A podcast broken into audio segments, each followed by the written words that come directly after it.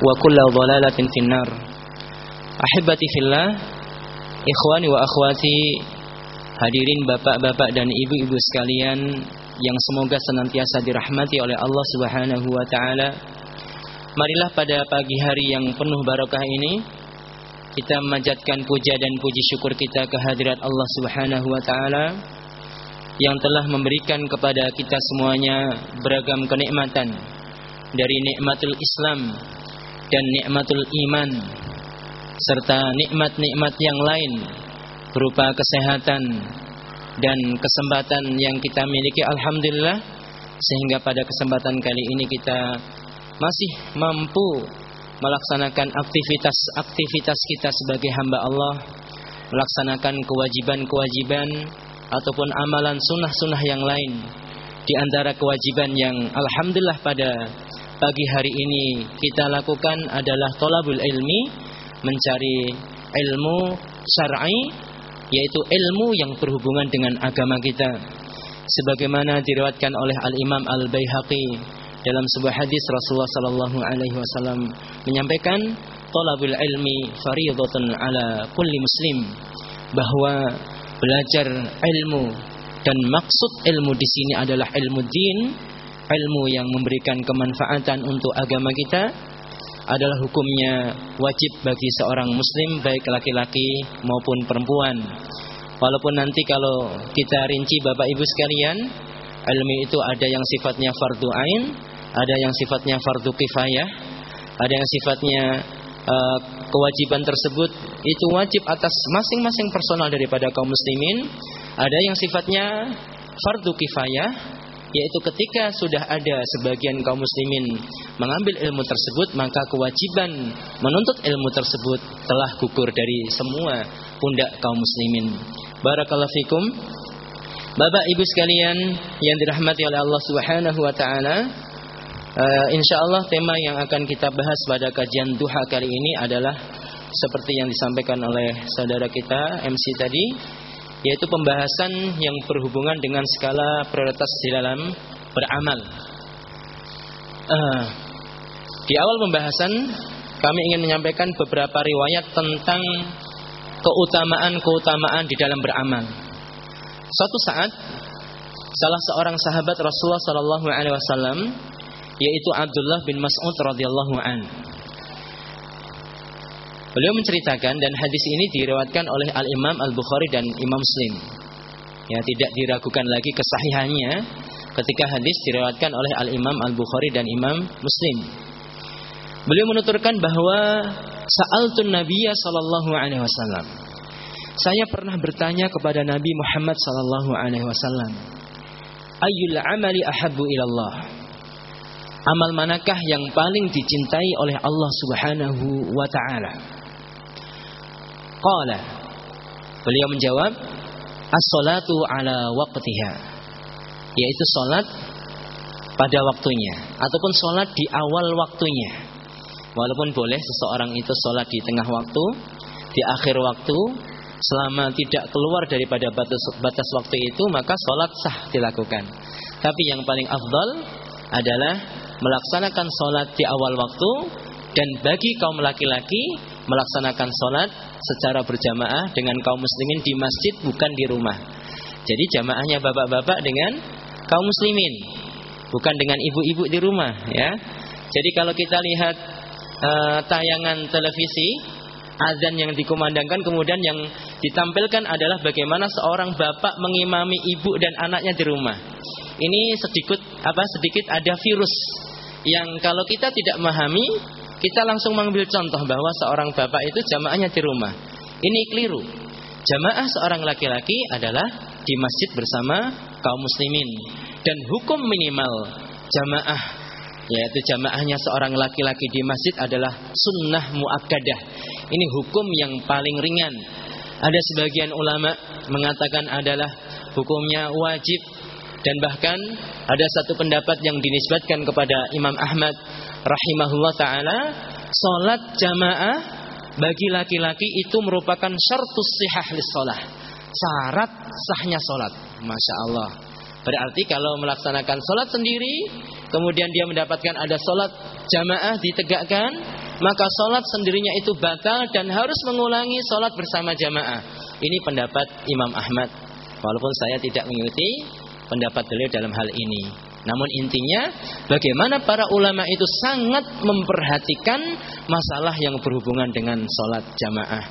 Sedangkan untuk ibu-ibu, sholat yang paling afdol yang utama adalah dilakukan di rumah, di kamarnya. Dan bagi ibu-ibu yang ingin sholat jamaah, maka bagi bapak-bapak tidak boleh melarangnya. Yang penting di dalam menghadiri sholat jamaah tetap melazimi daripada adab-adab kaum muslimat, tidak berpakaian yang berlebih-lebihan dan tidak memakai wawangian yang mencolok. Karena yang kita cari adalah ridho Allah, bukan maksiat kepadanya. Barakallahu fikum kita lanjutkan. As-salatu ala waktiha. Qultu. Aku mengatakan kembali, kata Ibnu Mas'ud. Summa ayyu Kemudian apalagi ya Rasulullah? Qala Rasulullah sallallahu alaihi wasallam menjawab birrul walidain, yaitu berbakti kepada kedua orang tua. Qultu suma'ai. Kemudian apalagi ya Rasulullah? Qala beliau menjawab al jihadu fi sabilillah, yaitu berjihad di jalan Allah Subhanahu wa taala. Bapak Ibu sekalian yang dirahmati oleh Allah Subhanahu wa taala. Kemudian pada kesempatan yang lain, Sahabat Abu Hurairah radhiyallahu anhu pernah menceritakan dalam sebuah hadis yang diriwayatkan oleh Imam Muslim.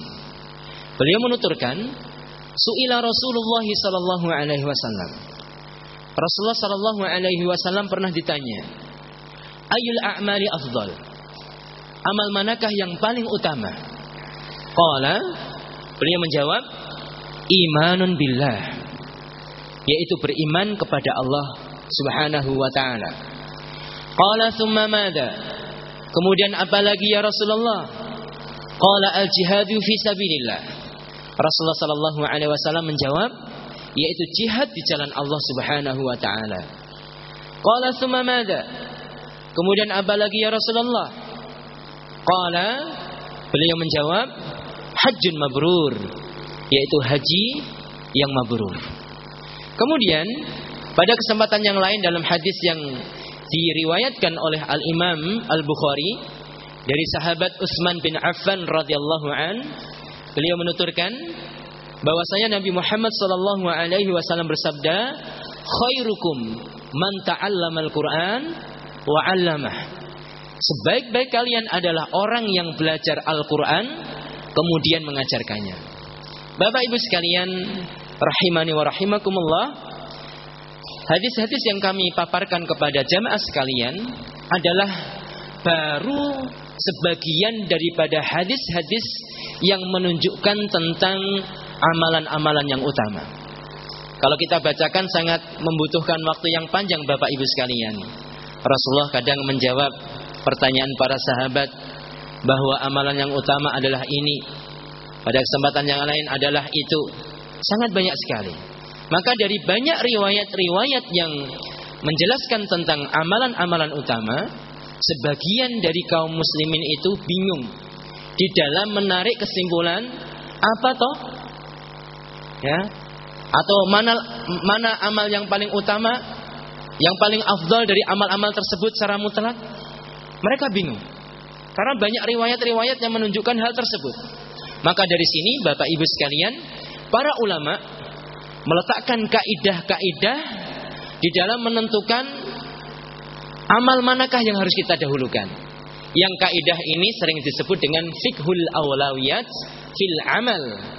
Yaitu bahasa kita, kita katakan skala prioritas dalam amal, yaitu amal manakah yang harus kita dahulukan ketika dihadapkan kepada kita banyak pilihan-pilihan dari amalan-amalan yang masing-masing amalan tersebut ada dalilnya. Nah, di sini Masya Allah uh, bagaimana jasa para ulama kita dapat menikmatinya dari kaidah-kaidah tersebut insya Allah kita tidak akan bingung di dalam menentukan amalan-amalan yang utama. Dan insya Allah pada kesempatan yang singkat kali ini kami akan sampaikan beberapa kaidah yang menunjukkan tentang fikhul awlawiyat fil amal yaitu fikih prioritas dalam menentukan amal yang harus kita lakukan. Yang pertama, Ikhwani wa akhwati fillah. Yang pertama adalah hendaklah seseorang itu memilih amalan yang sifatnya kontinu dan berkesinambungan daripada amalan yang sifatnya terputus. Ini yang pertama. Kaidah yang pertama adalah hendaknya kita itu Bapak Ibu sekalian memilih satu amal yang sifatnya terus-menerus istiqomah berkesinambungan daripada amalan yang terputus. Jadi ternyata kualitas amal seseorang itu tidak selamanya dilihat dari kuantitas jumlah amal yang dikerjakan. Namun ternyata kualitas amal seseorang itu dilihat dari bagaimana dia mampu melazimi amal tersebut. Seperti ketika Al-Imam Al-Bukhari menyebutkan dalam satu hadis bahwasanya Rasulullah sallallahu alaihi wasallam suatu saat menemui istrinya, salah satu istrinya yaitu Aisyah radhiyallahu anha. Ketika beliau menemui istrinya, beliau mendapatkan seorang perempuan yang berada di sisi Aisyah radhiyallahu anha. Rasulullah mengatakan, "Man hadhi?" Siapa ini? Qalat fulanah. Sayyidah Aisyah menjawab, "Si fulanah." Seorang perempuan kemudian menceritakan bagaimana sholatnya, puasanya, ibadahnya. Apa yang disampaikan Rasulullah setelah mendengar ceritanya Aisyah ini? Rasulullah mengatakan, "Mah, cukup cukup. Alaikum bima tutikun." Hendaklah kalian itu beramal sesuai dengan kemampuan kalian. Fa innallaha la yamallu hatta tamallu. Allah itu tidak akan merasa bosan sampai kalian itu merasa bosan dan Allah tidak memiliki sifat bosan. Ya. Fa inna ahabbad din ilaihi ma dawama alaihi sahibu dan sesungguhnya dan sesungguhnya amal yang paling baik adalah amal yang selalu dilazimi oleh pelakunya. Masya Allah. Di sini maka dalam surat Al-Quran, surat Al-Ma'arij, surat Al-Ma'arij ayat 19 sampai 23, Allah Subhanahu wa taala mengabarkan, "Innal insana khuliqa halu'a." Sesungguhnya manusia itu diciptakan bersifat keluh kesah lagi kikir idza massahu syarru jazua. Ketika ditimpa kesusahan ia berkeluh kesah. Wa idza massahul khairu manua. Dan ketika mendapatkan kebaikan dia kikir. Illal musallin kecuali orang yang melakukan salat. Siapa mereka? Alladzina hum ala salatihim daimun yaitu orang yang selalu mengerjakan salat. Bukan salat hari ini tapi besok libur bukan puasa hari ini, besoknya libur lagi maksudnya puasa Ramadan. Ya. Kemudian orang membaca Al-Qur'an hari ini kemudian tobat tidak membaca Al-Qur'an selama satu bulan. Ini tidak dibenarkan. Ya, tidak dibenarkan. Bahwa ternyata amal yang dicintai oleh Allah Subhanahu wa taala adalah amal yang dilakukan secara kontinu. Bahkan para ulama menyebutkan Bapak Ibu sekalian, di antara indikasi amal seseorang diterima adalah lahirnya, hadirnya amal soleh berikutnya. Ya, ketika seseorang beramal soleh, kemudian ternyata dari amal soleh tersebut lahir amal soleh berikutnya, itu indikasi bahwa amal yang dilakukan itu diterima oleh Allah Subhanahu Wa Taala. Maka para sahabat Ridwanullah alaihim selepas bulan Ramadan enam bulan selepas bulan Ramadan, doa yang dipanjatkan kepada Allah adalah apa? Supaya amalnya diterima, Ramadannya diterima. Baru setelah itu, waktu-waktu setelahnya, mereka berdoa supaya dijumpakan oleh Allah dengan bulan Ramadan berikutnya. Ini para sahabat. Nabi Ibrahim, Nabi Ismail alaihi salam setelah membangun membangun Ka'bah sesuai dengan perintah Allah, panjangnya, tingginya, lebarnya sesuai dengan perintah Allah. Mereka berdua tidak leha-leha, tidak mengucapkan alhamdulillah sudah selesai ibadah plong, ya, kemudian taubat tidak beramal lagi tidak. Ternyata apa? Doa mereka berdua diabadikan oleh Allah dalam Al-Qur'an yaitu Rabbana taqabbal minna. Ya Allah, kami mengharap supaya amal kami itu diterima. Di sini. Jadi sangat penting bahwa seseorang itu menjaga kualitas daripada amal yang dilakukan. Barakallahu fikum, Bapak Ibu sekalian yang dirahmati oleh Allah Subhanahu wa taala, dan ketika seseorang mampu menjalankan istiqomah, pada dasarnya dia telah mampu mengamalkan daripada salah satu firman Allah yang ada pada surat Ali Imran.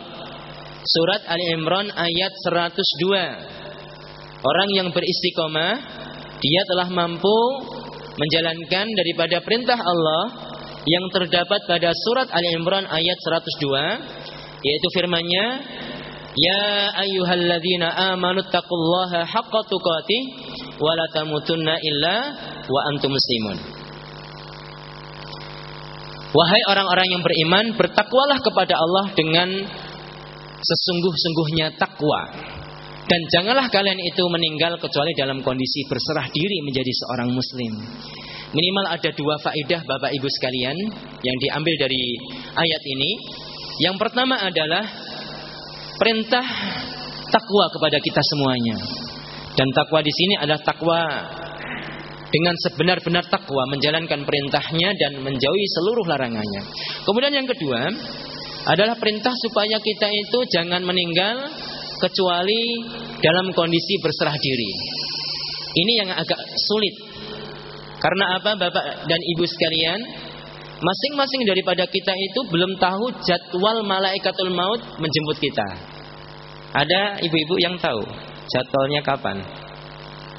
Atau bapak-bapak kan belum tahu. Ini yang jadi masalah. Ya, jangan-jangan ketika malaikatul maut itu menjemput kita tidak siap, kan gitu. Dan ini adalah bagian daripada rahmat Allah juga. Kalau kita tahu malah repot ya, Pak. Jadwalnya pekan depan, Akhirnya apa? Dari hari ini start dia baca Al-Quran terus, sholat terus. Ditawari sama anaknya, ibu, mama, bapak, makan dulu. Ah, nggak butuh makan, seminggu lagi mau mati juga, kan gitu. Ah, ini. Jadi ketika kita itu tidak tahu akan jadwal kematian kita, maka kita berusaha untuk istiqomah. Supaya apa? Ketika datang hari tersebut, kita dalam kondisi beramal, bukan dalam kondisi meninggalkan amal tersebut. Maka salah satu untuk melaksanakan daripada ayat tersebut kita itu melaksanakan yang namanya istiqomah menjaga daripada kualitas iman dan amal kita. Barakallahu fikum. Dan ternyata Bapak Ibu sekalian, perintah Allah yang Allah perintahkan kepada manusia yang paling berat itu ternyata bukan hanya sekedar mewujudkan iman dan amal. Salat, alhamdulillah banyak orang yang mampu salat. Zakat, alhamdulillah banyak orang yang berzakat. Bahkan haji yang ibadah itu wujud bukan di tanah air kita, alhamdulillah jamaah haji terbanyak dari mana Bapak Ibu? Dari Indonesia. Ya. Tahun 2012 saya pernah berkhidmah menjadi petugas haji, di mana-mana ketemu orang Indonesia. Ya, sholat di Masjid Nabawinya lumayan 20 menit, belanjanya 2 jam nih ibu-ibu. Tidak apa-apa, yang penting ibadahnya uh, apa namanya konsentrasi ya waktu ibadah-ibadah ya belanja-belanja tapi harus diingat bahwa perginya kita dari tanah air adalah untuk ibadah bukan belanja. Kalau belanja korma mah di tanah abang banyak kan?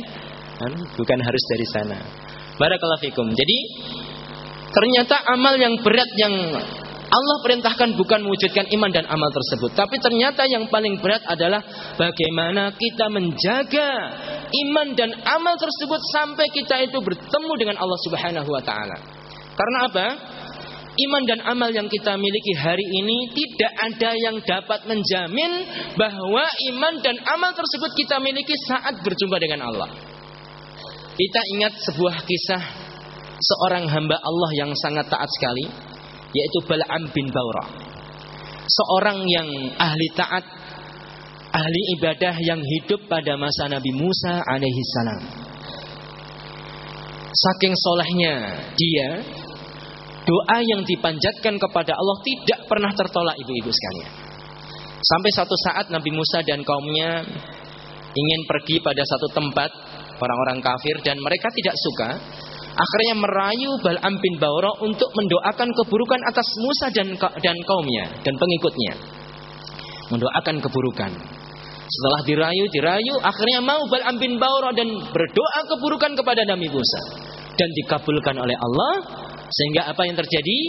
Yatihuna fil ardi arba'ina sanah Nabi Musa dan pengikutnya itu tersesat di padang tih selama 40 tahun berputar-putar tidak bisa keluar dari daerah tersebut. Akhirnya gantian Nabi Musa mendoakan Bal'am bin Baura dan Bal'am bin Bauro karena kesalahan tersebut akhirnya mati di atas kekufuran melepaskan ayat-ayat Allah yang selama ini dipegang.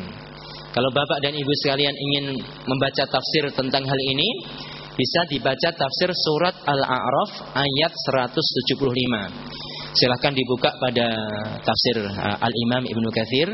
Beliau menjelaskan menukil pendapat-pendapat para ahli tafsir tentang uh, kaitan ayat tersebut dengan kisah seorang tokoh yang bernama Bal'am bin Bawara. Kemudian uh, satu kisah lagi yaitu seorang yang bernama Abdullah bin Ibrahim yang disebutkan oleh Al-Imam Al-Qurtubi dalam kitabnya Tadhkirah. Jadi Abdullah bin Ibrahim itu Bapak Ibu sekalian, dia seorang tabi'in. Apa itu tabi'in?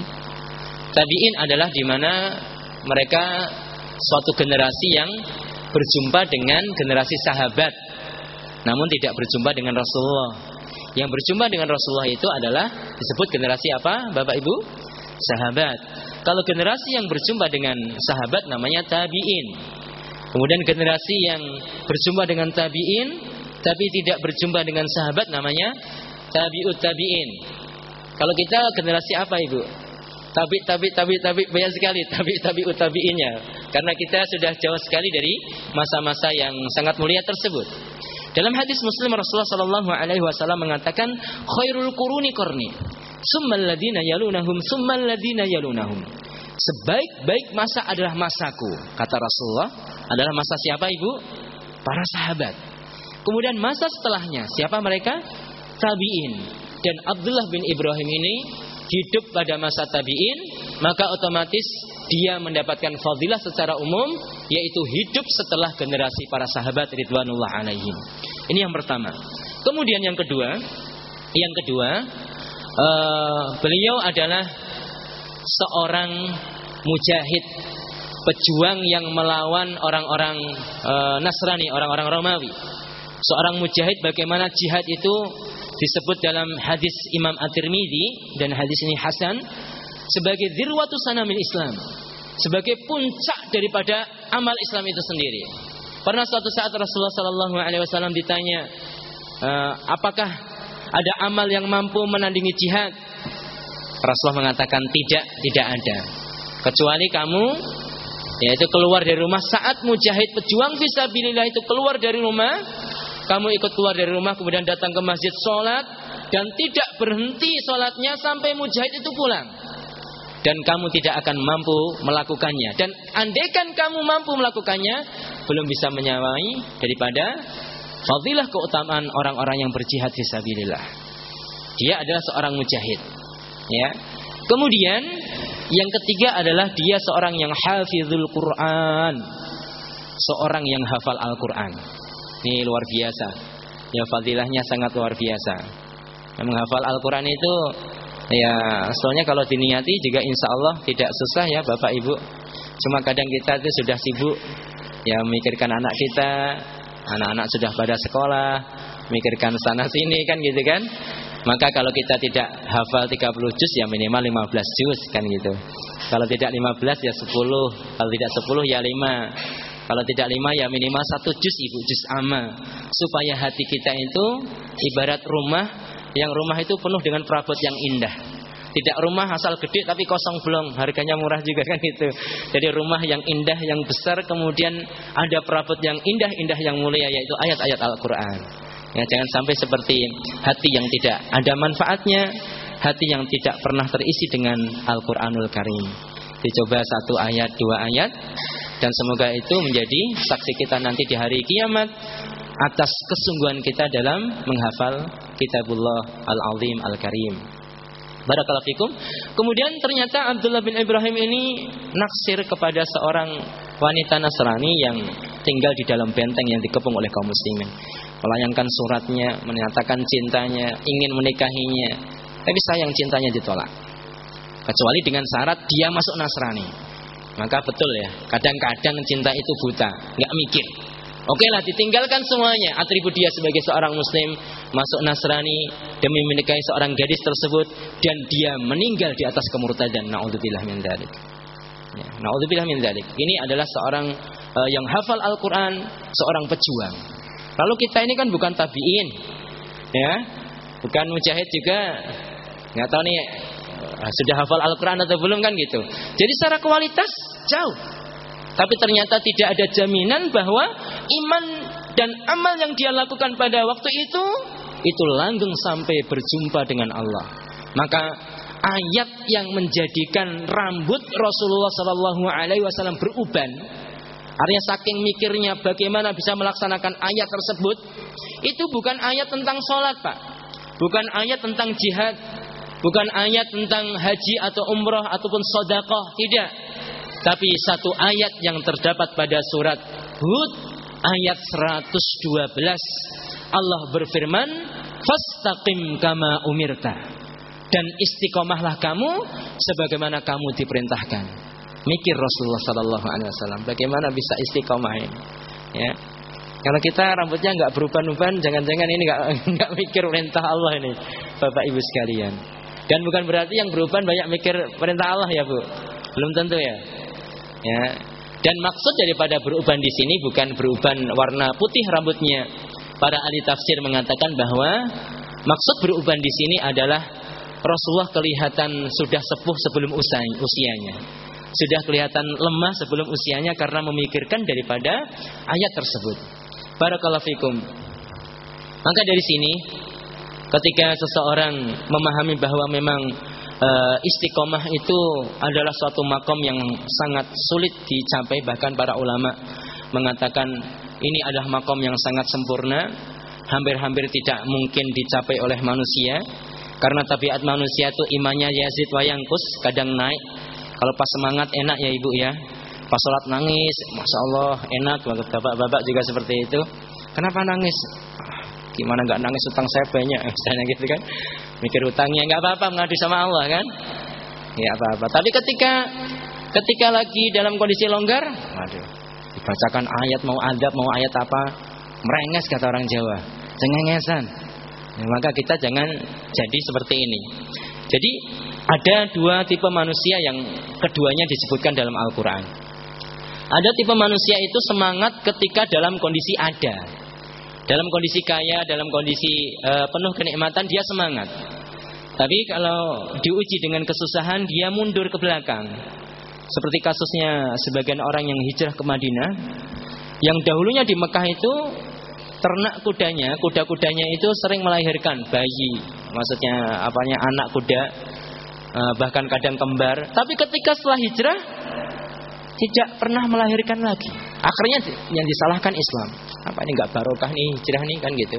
Ini adalah uh, sifat orang-orang yang uh, yang semangat ketika diberikan kenikmatan saja. Tapi dalam kondisi dia diuji dengan kesusahan dia mundur. Ada juga tipe sebaliknya. Ada orang itu kalau lagi susah, masya Allah deket banget sama Allah. Ya. Tapi ketika lagi muda lewat masjid, cuma klakson doang. Salam ya, sampaikan salam sama imamnya.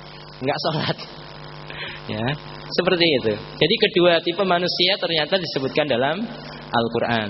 Jadi naik dan turunnya iman kita ini sangat berpengaruh di dalam kesulitan kita menggapai derajat istiqomah. Maka dari sini ada satu uh, satu alternatif seperti yang Allah sebutkan dalam surat Fusilat ayat ayat yang ke-6 ketika Allah memerintahkan tentang istiqomah fastaqimu ilai diiringi dengan perintah istighfar wastaghfiruh. Para ulama menjelaskan bahwa makom istiqomah itu atau derajat istiqomah itu sangat susah digapai oleh manusia. Maka untuk menyempurnakan istiqomah yang susah digapai itu dengan memperbanyak istighfar. Maka kalau kita habis sholat Pertama kali yang kita ucapkan salam Apa ibu? Astagfirullah Ngaku kalau sholatnya kurang Ya itu, itu hikmahnya tapi kadang-kadang kita tidak tidak ngeh istighfar astagfirullah lihat sana, astagfirullah lihat atas, astagfirullah, astagfirullah lihat samping tidak tidak memahami makna daripada istighfar. Istighfar itu ibu dan bapak sekalian adalah suatu ucapan di mana kita minta ampun. Bagaimana kita itu akan mendapatkan ampunan kalau diri kita tidak mengaku kalau punya salah? Apa buktinya? Ya kita sepele saja, tidak diresapi dalam hati. Astagfirullah ya Allah, saya mohon ampun satu banyak salah ya Allah. Kan jarang kita resapi itu. Bagaimana Allah akan mengampuni Anda sekalian sedangkan ketika Anda minta ampun Anda tidak merasa salah. Ini ini ada introspeksi bagi kita semuanya. Mengucapkan subhanallah. Ya subhanallah tinggal lewat kadang-kadang malah apa namanya kelewatan jumlahnya karena kita tidak konsen. Bagaimana kita mengucapkan subhanallah maha suci Allah Kita tanamkan dalam hati kita bahwa Allah adalah zat yang suci Yang jauh daripada cacat dan kekurangan Alhamdulillah kita resapi bahwa memang pujian itu layak dilayangkan kepada Allah karena keagungannya dan karena karunia-Nya Allah kepada kita. Kita tanamkan dalam hati kita. Allahu Akbar. Allah yang maha besar kita itu kecil. Maka dari sini kita ibadah penuh dengan ketundukan. Ini yang kadang-kadang kurang uh, kita tanamkan pada diri kita masing-masing.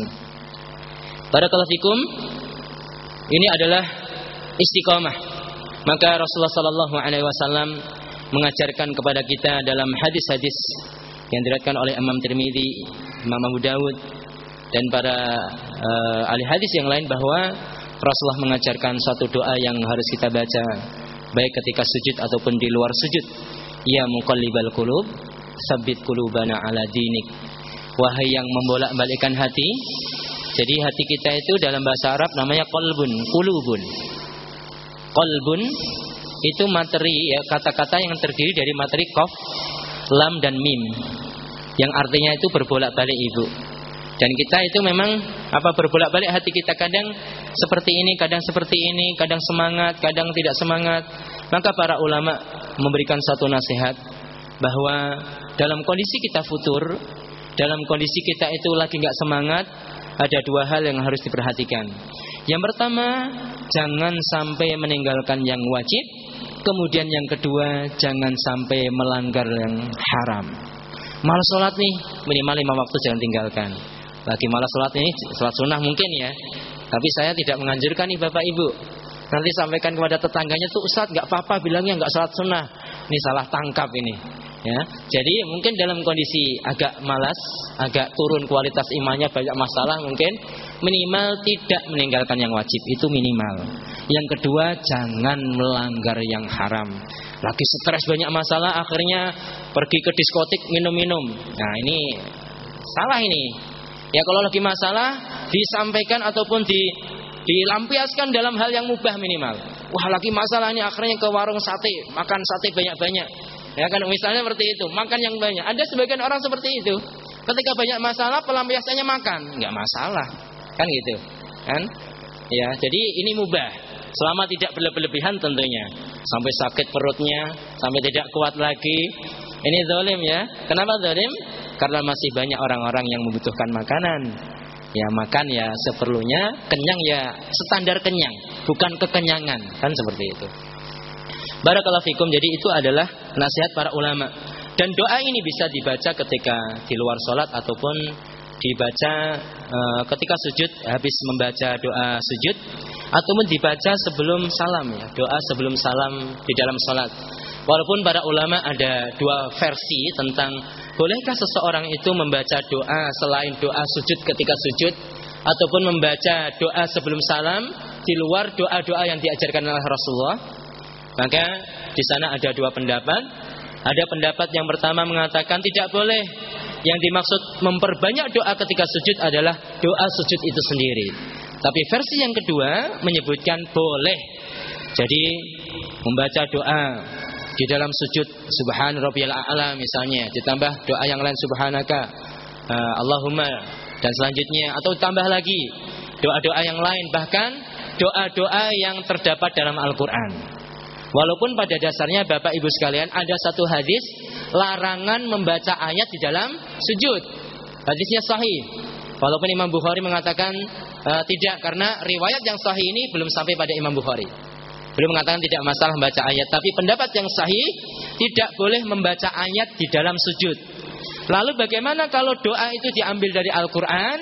Maka para ulama menjelaskan boleh karena Doa tersebut sudah berubah fungsi, bukan ayat lagi tapi berubah menjadi sebuah doa. ya jadi tidak dinilai sebagai ayat tapi sebuah wirid ataupun doa sehingga kita boleh membaca doa Rabbana la tuzigh qulubana ba'da idh hadaitana ada di surat Al Imran. Rabbana atina fid dunya hasanah ada di surat Al-Baqarah. Rabbana hab lana min azwajina wa dzurriyyatina qurrata ada di surat di dalam Al-Qur'an. Seperti itu Barakallahu fikum maka dari sini kita itu mengharap ketika istiqomah kita itu mampu menjadi seorang hamba yang seperti difirmankan oleh Allah dalam surat Ibrahim ayat 27. Ibrahim ayat 27 Allah berfirman, "Yusabbitullahu alladhina amanu bil qawli sabiti fil hayati dunya wal akhirah." Allah itu meneguhkan orang-orang yang beriman dengan perkataan yang teguh yaitu kalimat la ilaha illallah baik di dunia maupun di akhirat. Dan maksud di akhirat di sini adalah yaitu di alam kubur ketika seseorang mendapatkan fitnatul kubur. Fitnah di sini artinya Bapak Ibu sekalian adalah ujian. Bukan fitnah yang kita pahami. Ya, kamu fitnah saya ya. Artinya menuduh tanpa bukti kan itu bahasa kita. Tapi Al-Qur'an tidak. Maksudnya tidak seperti itu. Al-Imam Asyuyuti dalam Al-Itqan fi Ulumul Quran kalau tidak salah menyebutkan bahwa Makna kata-kata fitnah dalam Al-Quran itu tidak kurang daripada 14 makna. Disebutkan dalam satu ayat, Innama amwalukum wa auladukum fitnah. Anak-anak kalian, istri kalian, harta kalian itu fitnah. Kalau kita pahami fitnah, menurut bahasa kita kan susah ya ibu. Masuk istri, anak menuduh tanpa bukti kan tidak tidak pas. Maka maksud fitnah dalam ayat tersebut adalah anak, istri, harta yang kita miliki itu adalah ujian. Jadi ujian itu ada dua versi sebetulnya. Ujian yang tidak enak, ada ujian yang enak. Milih yang, milih yang mana ibu? Atau bapak sekarang milih yang mana? Ujian yang tidak enak ya termasuk kita itu sakit, ya, ya kemudian kita fakir. Wa nabluukum bisyarri wal khairi fitnah dalam surat Al-Anbiya ayat ayat ketiga tujuh atau berapa saya lupa. Kami uji kalian dengan keburukan dan kebaikan sebagai bala. Jadi keburukan Ibnu Abbas mengatakan seperti sakit, kita dalam kondisi fakir, ya kita uh, dalam kondisi yang tidak kita sukai, itu ujian. Kemudian ujian versi yang kedua adalah ujian yang enak-enak. Sehat alhamdulillah, ya punya pasangan yang baik, anak-anak yang saleh salehah, yang pintar-pintar, masya. Maka Nabi Sulaiman ketika diberikan nikmat luar biasa, bagaimana beliau itu mampu berkomunikasi dengan jin, dengan hewan, dan mereka tunduk. Hewan burung tunduk kepada beliau sampai mendatangkan singgasana Ratu Bilqis dalam waktu yang sangat sangat cepat. Sebelum mata Nabi Sulaiman berkedip, singgasana Ratu Bilqis itu ada di sisinya. Ya. Kemudian Nabi Sulaiman mengatakan, "Hada min fadli rabbi liyabluwani." Ini adalah nikmat karunia dari Rabbku untuk mengujiku. Maka dari sini para ulama menyimpulkan bahwa nikmat itu selain adalah nikmat karunia Allah, itu juga bagian daripada ujian. Tinggal kita milih yang mana. Kalau saya ibu, milih yang enak saja. Kenapa? Karena kalau diuji dengan yang susah belum tentu kuat. Saya teringat dengan perkataan Syekh Muhammad Al-Utsaimin. Beliau mengatakan, kalau saya pilih yang ujian yang sifatnya enak saja. Karena terkadang kalau kita itu diuji dengan yang susah, maka belum tentu kuat. Tapi kalau sudah kadung diuji, ya diterima ibu. Tapi jangan mengharap ujian datang. Tidak boleh menantang bala. Ya Allah kenapa saya itu nggak sakit? Saya pengen sakit, dapat pahala. Tidak boleh seperti ini. Ya, tidak boleh seperti ini. Kenapa sih saya itu nggak miskin-miskin? Kan, tidak seperti itu. Tapi kalau diuji dengan kemiskinan harus bersabar. Ada yang doa pengen miskin ibu. Ya. Kalau ada hadis tentang bahwa Rasulullah bersama orang miskin kahatain sangat dekat sekali. Eh, kemudian apakah dianjurkan kita itu berdoa untuk menjadi miskin? Ternyata setelah diteliti eh, hadisnya bermasalah. Jadi nggak sunnah berdoa untuk jadi orang miskin. Kalau berdoa menjadi orang kaya ya ibu bisa biar bisa membantu pondok pesantren, membantu saudara-saudara kita karena uh, ada beberapa syariat yang tidak mungkin uh, dilakukan kecuali dengan harta. Bukan masalah hartanya yang dicela tapi yang dicela adalah kelakuan kita terhadap harta tersebut. Ini. Jadi uh, orang miskin memang memiliki fadilah, orang kaya juga memiliki fadilah. Kalau orang miskin biasanya ibu uh, hisapnya nggak ribet kan?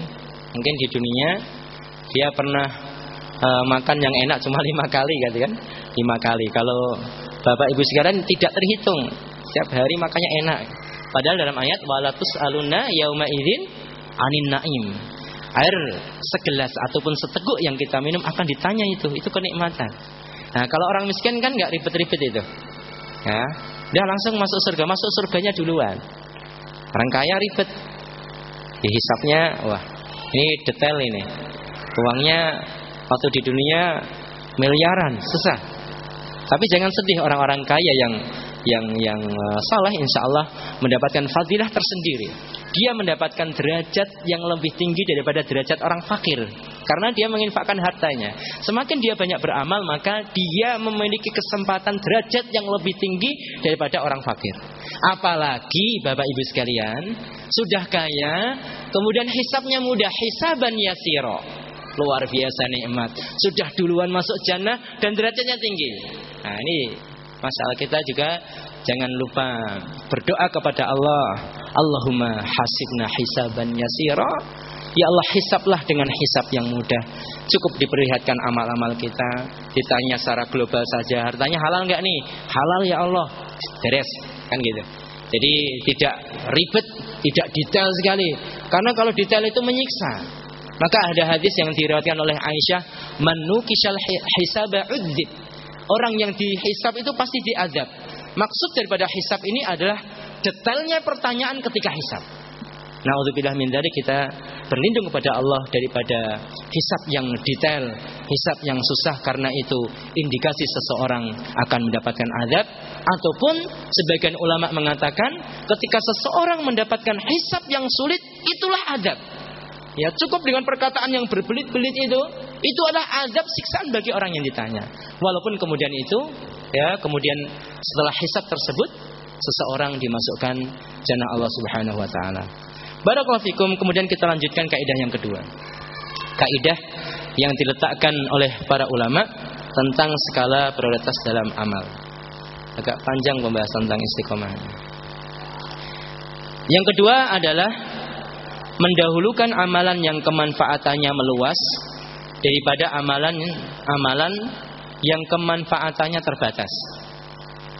Saya ulang kembali.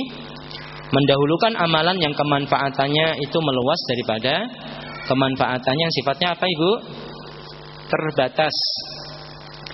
Kaidah ini berdasarkan hadis-hadis yang cukup banyak di antaranya adalah hadis yang diriwayatkan oleh Imam At-Tabrani dalam kitabnya Al-Mu'jam Al-Kabir dan hadis ini dinyatakan derajatnya hasan baik oleh ahli hadis Al-Imam Al-Albani rahimahullah taala.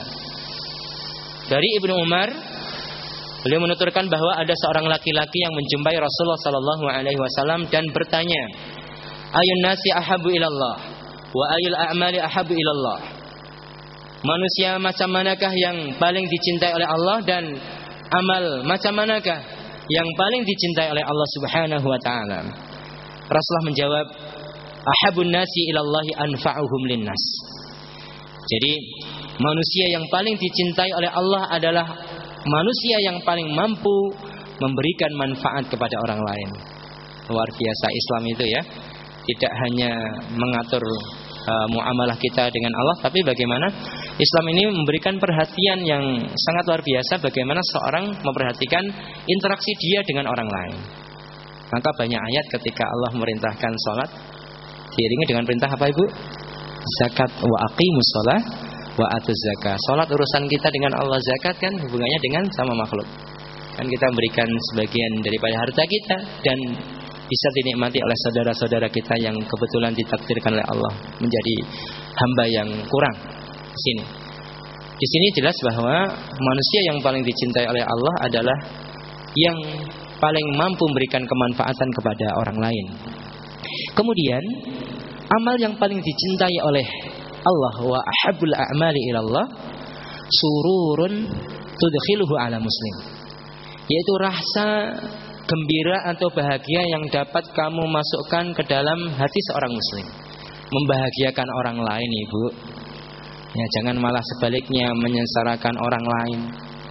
Dalam hadis Muslim disebutkan la yadkhulul jannata man kana La yadkhul jannata man, man la ya'manu jaruhu bawa'iqahu.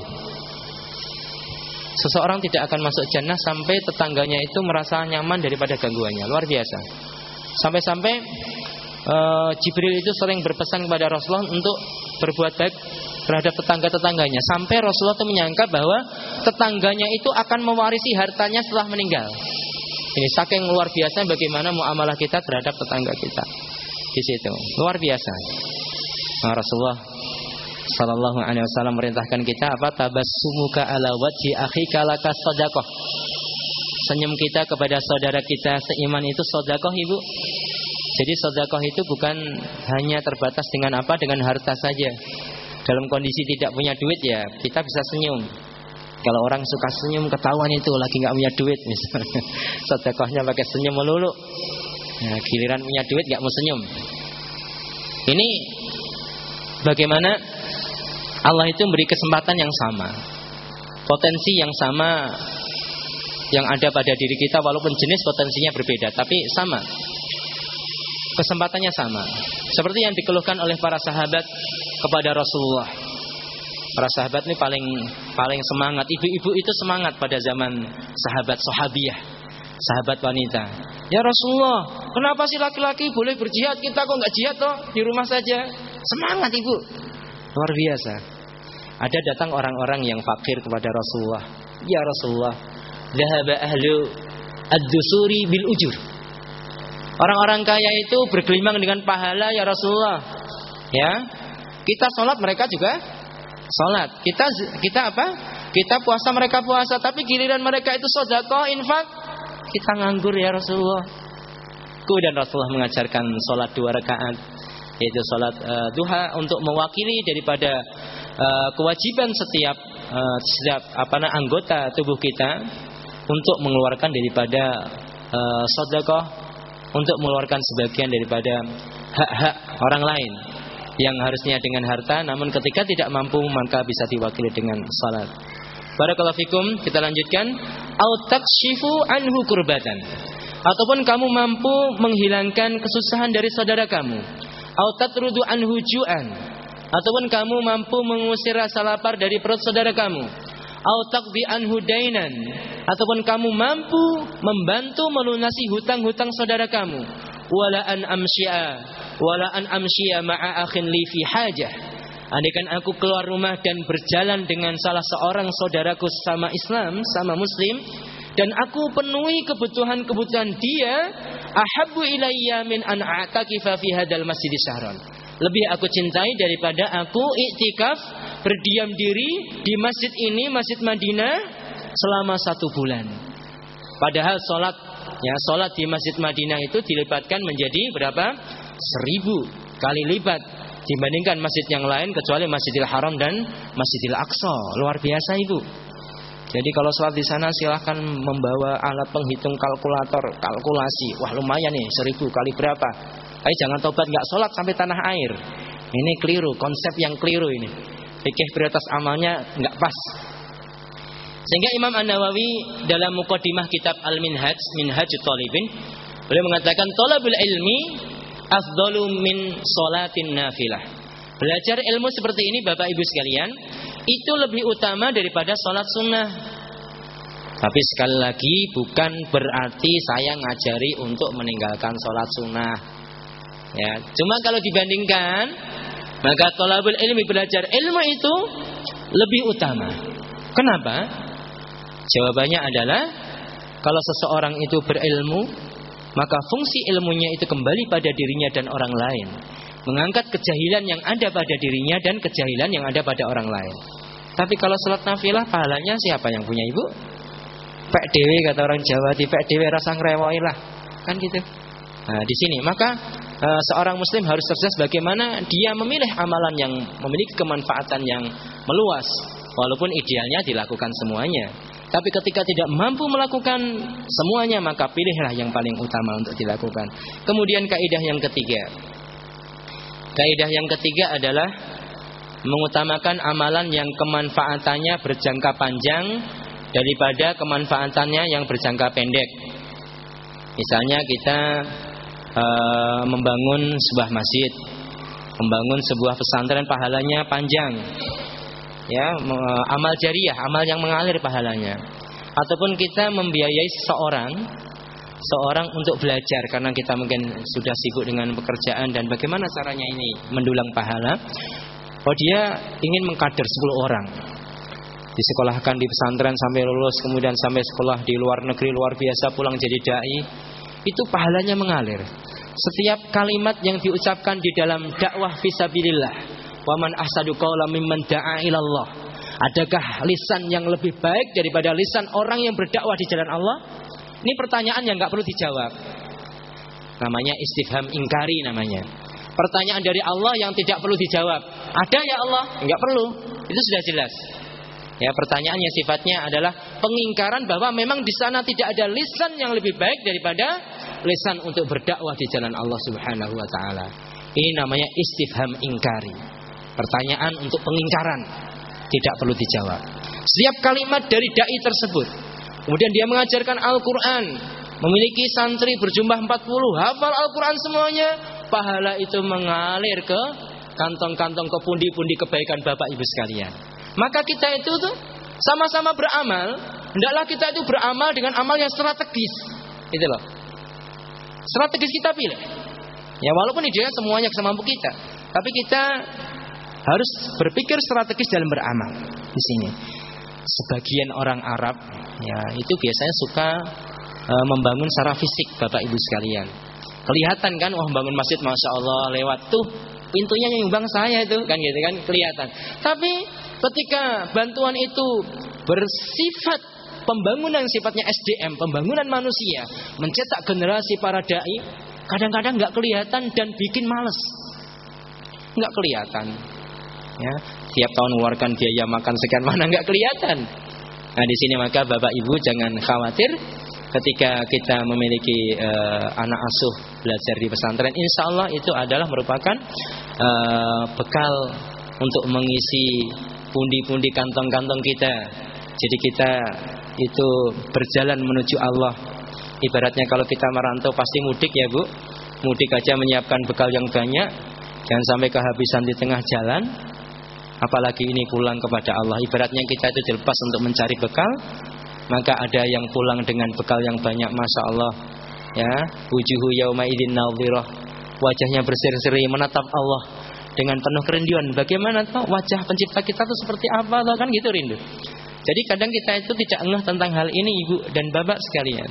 Padahal kalau kita itu pergi keluar kota misalnya karena tugas atau karena hal yang lain, wajah orang yang kita cinta itu kita kita rindukan. Ya kan? Ternyata kita itu bukan hanya rindu yang berhubungan dengan kenikmatan syahwat, misalnya makan dan minum. Ternyata kita rindu dengan wajah anak kita yang mungil, masya Allah rindu sekali. Dan ketika kita datang melihatnya itu suatu kenikmatan yang sangat luar biasa. Rasa capek setelah kita kerja melihat anak yang kita banggakan luar biasa. Capeknya hilang. Lalu bagaimana kita itu selama ini diberikan oleh Allah nikmat yang memberikan kita itu keluarga yang sakinah, rizki yang luar biasa, memberikan kesehatan, dapat menatap dengan sempurna. Seperti apa Allah ini? Kan gitu. Namun pertanyaannya kita tuh rindu nggak? Rindu nggak ibu? Kalau orang yang rindu kepada Allah itu adalah mereka selalu menyiapkan bekal, bukan orang yang putus asa. Kayak gini hidup mati saja, misalnya. Itu orang nggak rindu sama Allah. Orang yang putus asa, putus asa dengan rahmat Allah dengan karena Allah Subhanahu Wa Taala. Kemudian kaidah yang ketiga, karena waktunya semakin. Para ulama menjelaskan bahwa hendaklah seseorang itu mengutamakan amalan yang wajib daripada amalan yang sunnah. Ini jelas. Jadi jangan keliru. Ya kalau orang itu semangat sholat taraweh, sholat taraweh, eh nggak sholat subuh. Ini keliru ibu. Sholat tahajud dari jam 12 mungkin sampai jam 4 tidur. Ya, akhirnya sholat subuhnya jam 7 terus. Ini keliru. Ini sangat tiru dalam mengatur uh, konsep fikih aulawiyat, skala prioritas. Jadi bagaimanapun uh, besarnya amal sunnah tidak mampu menandingi daripada amalan yang wajib. Jadi kalau kita analogikan dengan uh, seorang pedagang, amalan-amalan wajib itu ibarat uh, pokok ya. Jadi roksul mal modal. Jadi jangan sampai orang dagang itu minimal kan ini ya modalnya kembali gitu. Untung tuh suatu yang lebih. Kan gitu. Maka jangan sampai kita itu mengejar keuntungan tapi modalnya tidak kita perhatikan. Bukan keuntungan tapi modalnya habis. Seperti itu. Kemudian kaidah yang kelima. Kaidah yang kelima ini adalah hendaknya seseorang itu lebih mengutamakan amalan hati daripada amalan yang zahir. Lebih mengutamakan amalan hati daripada amalan yang zahir. Walaupun kedua-duanya itu penting Ibu. Hati kita jaga keikhlasan, kemudian fisik kita kita jaga bagaimana sesuai dengan ajaran Rasulullah Sallallahu alaihi wasallam. Orang yang tidak orang yang tidak suka mengaji Ibu biasanya apa? Semangat amalnya, tapi nggak tahu niatnya ilmunya benar atau tidak. Tapi orang yang orang yang suka apa? Uh, maaf, orang yang tidak suka ngaji itu biasanya amalnya semangat tapi tidak benar. Tapi orang yang suka ngaji biasanya amalnya itu lurus. Solatnya sungguh diperhatikan dari awal takbir bagaimana solat sifat Rasulullah sampai akhir salam. Tapi kadang kurang menjaga kualitas hatinya. Sehingga yang timbul riak ataupun ujub. Itu kan yang paling sunnah di masjid di masjid ini kan saya. Gak ada tuh lihat tuh. Sholatnya pada rusak itu saya sendiri. Ketika dia mampu bertahajud meremehkan orang yang tidur. Ya, ini adalah bibit-bibit ujub yang dapat menghancurkan daripada amal yang kita lakukan. Jadi eh, hati memiliki peranan yang lebih. Sehingga dalam hadis Bukhari Muslim Rasulullah mengatakan innamal a'malu binniat wa innamal likulli imri'in manawa. Amal yang kita lakukan Bapak Ibu sekalian itu pasti tergantung niat. Dan kualitas amal seseorang itu ya tergantung dengan niatnya tersebut. Sehingga dari sini para ulama mengambil satu kaidah bahwa al umuru bimaqasidiha. Setiap perkara itu tergantung daripada tujuannya. Jadi ibadah yang sifatnya ibadah pada dasarnya tidak menjadi ibadah karena niat. Dan sebaliknya juga amalan yang sifatnya mubah yang boleh-boleh saja akan menjadi ibadah ketika niatnya benar. Misalnya tidur dan makan kita itu kan mubah ibu. Yang penting kita tidak meninggalkan secara total. Kalau meninggalkan secara total itu haram.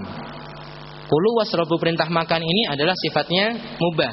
Tapi kalau kita tidak makan sehingga menyebabkan kita meninggal, demo mogok makan itu nggak sunnah. Ya itu itu nggak sunnah sama sekali. Ya.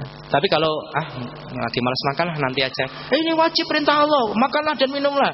Ini salah menggunakan dalil. Misalnya bercanda dengan tamu ya, kulu wasrabu, makan minum kan gitu kan. Kulu wasrabu, perintah makan dulu, jangan minum dulu. Perintah minum setelah makan kan. Padahal ini kadang-kadang kurang pas uh, penempatan daripada dalilnya. Tapi kalau diniati ibadah, alhamdulillah dengan makan yang cukup, sholat malamnya lumayan, semangat tidurnya cukup di awal di awal waktu. Jadi sunnahnya itu tidur di awal waktu, bangunnya di awal waktu. Bukan eh, bergadang ya, dengan begadang sampai uh, begadang sampai jam satu malam subuhnya lewat itu nggak sunnah. Nah, jadi Rasulullah itu menyampaikan bahwa uh, sangat uh, dibenci tidur sebelum isya makruh ya. Kemudian bincang-bincang setelah isya.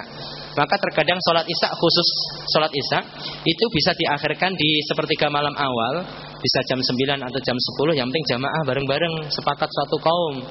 Tidak alasannya malasah nanti kan diakhirkan sholat sendirian ini keliru.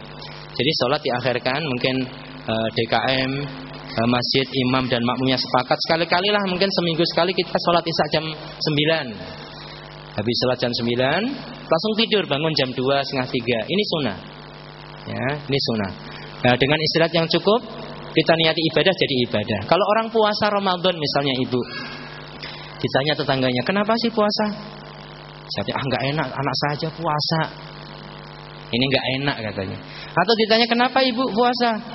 Ya biar agak langsingan sedikit lah, misalnya. Akhirnya dapat langsingnya. Alhamdulillah kalau langsing, kalau tambah gembrot, kan repot nggak dapat dua-duanya di sini. Jadi hati itu adalah tempat pandangan Allah. Innallaha la yanzuru ila suwarikum wa amwalikum. Jadi Allah itu tidak melihat rupa kita, Bapak Ibu sekalian. Jadi jangan sedih yang memiliki wajah pas-pasan. Ya, enggak jangan sedih. Allah tidak menilai kita itu wajahnya pas-pasan. Diabaikan oleh Allah tidak. Jadi itu bagian takdir yang tidak perlu kita sesali. Perlu kita pahami bahwa uh, syar'i uh, apa? Ad-din, jadi Islam ini terdiri dari dua elemen Bapak Ibu sekalian. Dua komponen. Dua komponen yang yang pertama adalah yang disebut dengan syar'i, komponen yang berhubungan dan, dengan perintah dan larangan. Dan kita dituntut dalam hal ini. Salat gak nih? Nah, ini ditanyakan nanti ini. Sedangkan komponen yang kedua namanya komponen kodari, takdir. Yang kita itu tidak akan dituntut kecuali hanya untuk beriman saja. Sudah kita imani takdir Allah. Kita tidak akan dipermasalahkan dengan takdir tersebut. Hei eh, kamu, kenapa kamu hitam? Ya ada pertanyaan kayak gitu. Kenapa kamu nggak tinggi kurang tinggi dikit tuh kurang 5 cm? Hmm, Allah ciptakan kayak gini. Ya ada pertanyaan kayak gitu. Maka dua komponen ini yang menjadi tuntutan uh, dari kita ya uh, tuntutan Allah untuk kita adalah komponen yang pertama yaitu komponen syar'i yang berhubungan dengan perintah dan larangan. Barakallahu fikum banyak hadis yang berhubungan dengan hati. Rasul mengatakan at-taqwa hauna itu di sini. Hati adalah merupakan uh, satu anggota badan yang betul-betul dia penggerak motornya. Kalau hatinya bagus maka maka amalnya bagus. Pandangan kita, ucapan kita, perilaku kita itu adalah cerminan daripada hati. Saya teringat kisah uh, Syekh Muhammad Hasan Al-Misri seorang dai uh, dai dari Mesir menceritakan tentang uh, orang tua, orang tua yang mau dioperasi kemudian menangis. Dokternya nanya, "Aib alaik, anta mutawi kan gitu kan. Ini ini aib ini. Tabu kamu nangis mak sudah tua dan kamu kan ustadz juga mau dioperasi untuk nangis takut mati ya bahasa kita seperti itu enggak enggak takut saya mati cuma khawatir aja karena dengan operasi ini bisa jadi apa e, wirid yang saya lakukan yang biasa saya lakukan itu bisa kelewat karena operasi ini. Bang operasi berapa jam sih? Dua jam kata dong. Dia sedih sekali. Apa wiridnya? Wiridnya adalah membaca Al-Quran 10 juz setiap hari. Luar biasa 10 juz tiga hari khatam, tiga hari khatam luar biasa. Akhirnya ya sudahlah dioperasi jalankan. Tapi izinkan saya untuk membaca Al-Quran uh, satu atau dua jam sebelumnya. Kemudian melakukan terserah anda beliau membaca Al-Quran kemudian disuntik bius dibius sampai dalam kondisi waibubah namanya dalam kondisi yang tidak sadar tidak sadar sama kali dilakukan operasi tapi lisannya tetap jalan membaca Al-Quran luar biasa siapa yang merintahkan ini kalau tidak hati. Siapa yang merintahkan maka pantas kalau Abu Hurairah mengatakan al-qalbu malikul a'dha wal jawarih junuduh. Hati itu adalah merupakan jenderal pimpinan daripada anggota badan dan anggota badan itu adalah anggota pasukannya. Hati ibu, ya jagalah hati kan, jangan dikotori katanya. Karena penting sekali. Kalau hati kita kotor dengan nuktah satu bintik hitam, dua bintik hitam, sehingga tertutup hati kita. Ibarat kaca yang tidak pernah dibersihkan, yang harusnya kaca itu uh, bisa memasukkan cahaya ke dalam rumah kita. Karena semakin tebal dan tebal tidak pernah dibersihkan dengan istighfar, dengan taubat, maka cahaya hidayah Allah itu tidak mampu menembus di hati kita yang pekat. Maka hati-hatilah yang memiliki hati. Ya kan maka hati sebut hati-hati, maka kita harus hati-hati. Jangan mudah meremehkan daripada hati yang kita miliki ini. Barakallahu fikum. Ini adalah beberapa kaidah ya, yang kalau kita lihat karya-karya ulama tentang hal ini sangat banyak sekali. Ada satu kitab bahas tentang ini secara detail dan kaidahnya puluhan, bukan hanya lima saja. Nanti kalau disampaikan sampai sore ya ibu, ya, sampai sore. Jadi cukup lima saja. Tapi sebelum saya akhiri, ada satu hal yang menarik pernyataan dari Ibnu Qayyim al Jauziyah dalam kitabnya Madari Salikin tentang konsep bagaimana yang beliau kemukakan, beliau tawarkan tentang amal yang utama. Beliau memiliki konsep yang sangat luar biasa, unik, berbeda dengan para ulama yang lain. Beliau mengatakan, "Afdalul ibadah al-amalu ala mardhatillah fi kulli waqtin." Bima huwa muqtada dzalikal waqti wa wadhifatih. Ibadah yang paling afdol adalah amal yang dilakukan untuk mencari ridha Allah di setiap waktu. Sesuai dengan sikonnya, kemampuannya dan tugasnya. Jadi amal ibadah yang paling afdol adalah amal yang dilakukan untuk mencari ridha Allah di setiap kesempatan sesuai dengan waktu dan sikonnya, sesuai dengan tugasnya, sesuai dengan kemampuannya. Maka amal yang paling afdal ketika menjelang subuh setelah sholat baca Al-Quran maka memperbanyak istighfar. Dalam salah satu ayat pada surat Al Imran disebutkan bahwa Allah itu memuji orang-orang yang istighfar pada waktu sahur. Wabil mustagfirina bil ashar yaitu orang-orang yang suka memperbanyak istighfar pada waktu sahur sebelum waktu fajar. Ini. Kemudian ketika dia kedatangan tamu maka amal yang paling afdal adalah apa? Menghormati tamu tersebut. Ketika mendengar adzan maka dijawab adzan, kemudian pergi ke masjid bagi orang laki-laki. Kan seperti itu. Ketika dia berada di masjid maka amal yang paling afdal ya sudah sholat baca Al-Quran berada di saf awal. Ketika dia baca Al-Quran yang paling afdal adalah bagaimana dia konsentrasi seakan-akan dia komunikasi dengan Allah. Itu yang paling afdal. Jadi ada waktu tersendiri. Maka ini ibadah yang sifatnya freelance. Tidak terikat kecuali dengan sikon dan kemampuannya. Ya, ini saya lihat sangat unik dan menarik. Jadi tidak tumpang tindih nantinya. Misalnya uh, ibu ada kedatangan tamu atau salah seorang dari bapak kedatangan tamu Assalamualaikum Waalaikumsalam. Tafadhol silahkan pak. Uh, Bapak silahkan duduk di pojok sana. Jangan ribut ya pak. Duduk anteng jangan rame. Saya pengen membaca Al-Quran. Bapak kan tahu baca Al-Quran kan afdol tuh. Maka jangan ribut. Saya pengen baca Al-Quran. Dibacakan hadisnya nih dalilnya baca Al-Quran afdol. Gimana perasaannya ibu? Keliru padahal baca Al-Quran juga afdol Ya kan? Menghormati tamu juga afdol. Cuma waktu itu kan kedatangan tamu. Kemudian Kemudian datang azan. Azan ini barusan sholat duhur udah asar lagi. Itu orang yang sibuk dengan dunia biasanya kayak gitu. Tiba-tiba kok udah asar. Padahal biasanya orang yang menunggu sesuatu yang dicintai itu terasa lama ibu ya. Ya mungkin bapak ibu dulu pernah muda bagaimana menunggu orang yang kita cintai, kita janji di suatu tempat. Ya, katanya mau datang ke tempat mertua ini. Misalnya lama banget padahal 10 menit.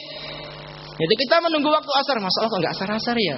Tapi kalau orang sibuk dengan yang lain, masya Allah, baru saja duhur udah asar. Ini biasanya orang yang sibuk dengan dunia tanpa mengingat akhirat. Ada tamu, kemudian terdengar azan, maka kita ajak, ya bapak, ibu kita ke masjid dulu, kita sholat dulu. Bukan asik saya menghormati bapak nih, bapak biar senang. Sholatlah nanti ya pak ya. Tamunya tambah senang. Oh iya pak, ngobrol aja dulu ini tidak e, memperhatikan daripada prioritas dalam amal. Ketika kita melihat orang yang membutuhkan e, sodakoh, orang yang kelaparan, ya, orang yang kelaparan e, di hadapan kita, maka amal yang paling utama pada waktu itu memberikan bantuan kepada dia. Jadi sesuai dengan sikon, dengan kemampuan kita. Jadi ini adalah ibadah yang sifatnya freelance, mutlak duna al muqayyad maka kita saksikan orang-orang seperti ini Bapak Ibu sekalian Dia tidak terikat. Selalu berada di soft yang pertama dalam setiap kebaikan.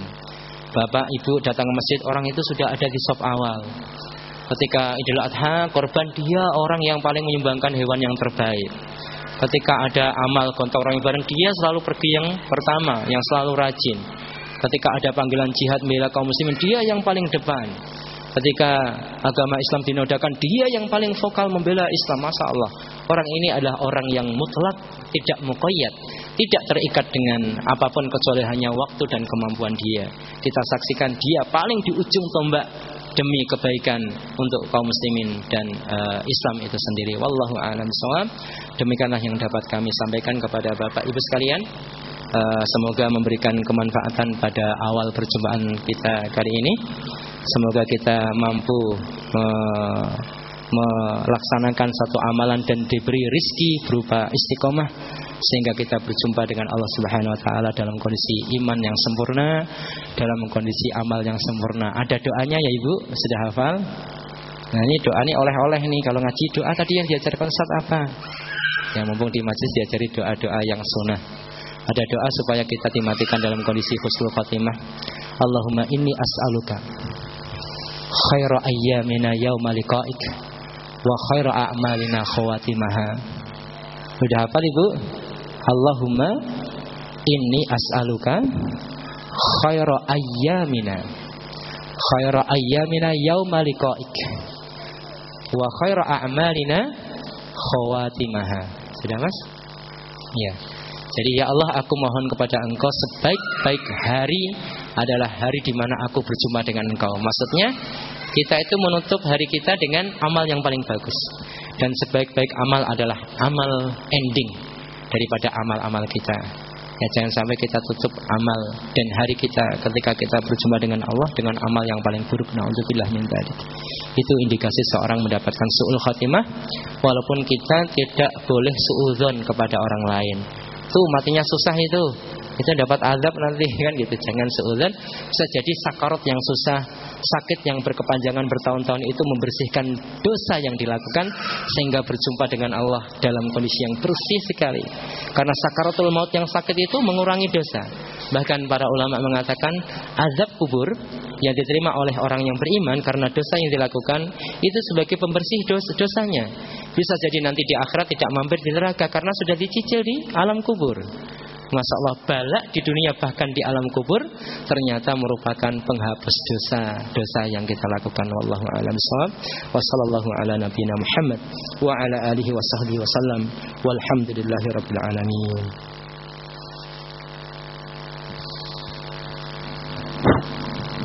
Alhamdulillahirrahmanirrahim Segala puji bagi Allah yang telah memuliakan Orang-orang yang berilmu seperti Ustadz Terima kasih Ustadz Uh, saya buka pertanyaan mungkin buat beberapa jamaah dari Pak Alfi, Pak Ardi, nanti satu dari Ibu Muhammad. Silakan. Bismillahirrahmanirrahim. Assalamualaikum warahmatullahi wabarakatuh. Waalaikumsalam. Mohon izin dua pertanyaan sekaligus Ustaz. Oh iya, Pak. Uh, terkait dengan keutamaan tadi. Kalau kita sedang berpuasa Ustaz, puasa sunnah, ya. kemudian kita kedatangan tamu. Uh, yang dalam situasi itu tamu ini memang kita sudah lama tidak bertemu ya. dan hanya kita yang menemaninya di, di rumah seperti itu. Ya. Ini mana yang lebih utama Ustaz? Dibatalkan puasanya ya. atau diteruskan? Iya. Satu, uh, kedua mengenai uh, puasa sunnah uh, Syawal Ustaz. Iya. Ketika kita punya uh, sebutlah hutang ketika di Ramadan uh, kita meninggalkan puasa karena sesuatu hal, kemudian uh, masuk Syawal itu mengganti yang wajib ini apakah keutamaan atau wajib? Artinya nggak boleh puasa Syawal sebelum diganti yang uh, ini atau uh, suatu keutamaan mendahulukan yang wajib. Artinya boleh saja uh, melaksanakan puasa sawal dulu, tetapi nanti yang uh, wajib itu dilakukan kemudian. Terima kasih ya Ustaz. Assalamualaikum warahmatullahi wabarakatuh. Ya Pak, sama-sama. Langsung aja. Ya, Masya Allah pertanyaan yang bagus dari Bapak siapa tadi? Alhamdulillah Alfi saya. Bapak Alfi, Masya Allah. Terima kasih Bapak. Ada dua pertanyaan yang sangat bagus sekali. Yang pertama tentang bagaimana memilih mana yang lebih afdal kita membatalkan puasa atau menghormati tamu. Kalau tamunya puasa tidak ada perbedaan, sama-sama puasa nanti buka bareng-bareng. Ini masalahnya adalah uh, seorang tamu itu uh, tidak puasa dan seorang teman yang sudah lama. Kita tinggal lihat kondisi, ya kita lihat kondisi.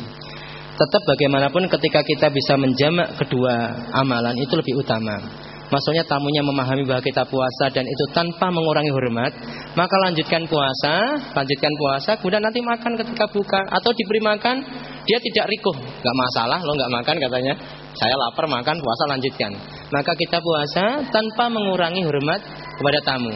Tapi kalau dengan puasanya kita ditakutkan terjadi sesuatu mungkin ada suatu uh, apa namanya perasaan ini orang nggak merhatikan toh saya lama nggak ketemu kenapa malah dia itu puasa? Saya makan kan nggak enak. Maka dibatalkan puasanya itu pun toh puasa sunnah menghormati seorang saudara kita apalagi tamu itu utama menjalin ukhuwah ukhuwah itu wajib. Maka batalkan puasa dan diganti puasa yang lain. Jadi tidak mutlak jawabannya ini dan itu ya Pak lihat kondisinya kalau tamunya puasa ya alhamdulillah berarti lanjutkan puasa Kemudian yang kedua andaikan bisa memahami dan itu tanpa mengurangi rasa hormat dan tidak mengurangi apa namanya apa namanya e, perasaan dia, kesenangan dia, itu lanjutkan puasa saja. Karena puasa amal yang e, soleh. Kecuali dalam kondisi yang lain misalnya walimah ya Pak, menghadiri walimah batalkan saja. Karena walimah nggak setiap hari juga, kemudian makanan itu adalah makanan yang toyib. Ya, dan diganti pada hari yang lain yaitu puasa sunnah di hari-hari yang lain. Ini jawaban yang pertama.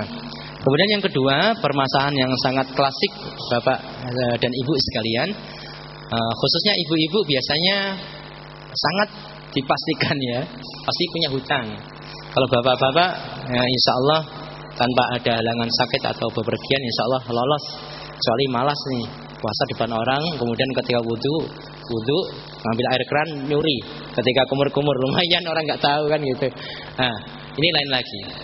Kalau memiliki hutang, kemudian pengen puasa sunnah sawal, apakah boleh kita itu puasa sunnah sawal dulu sebelum kita membayar hutang kita?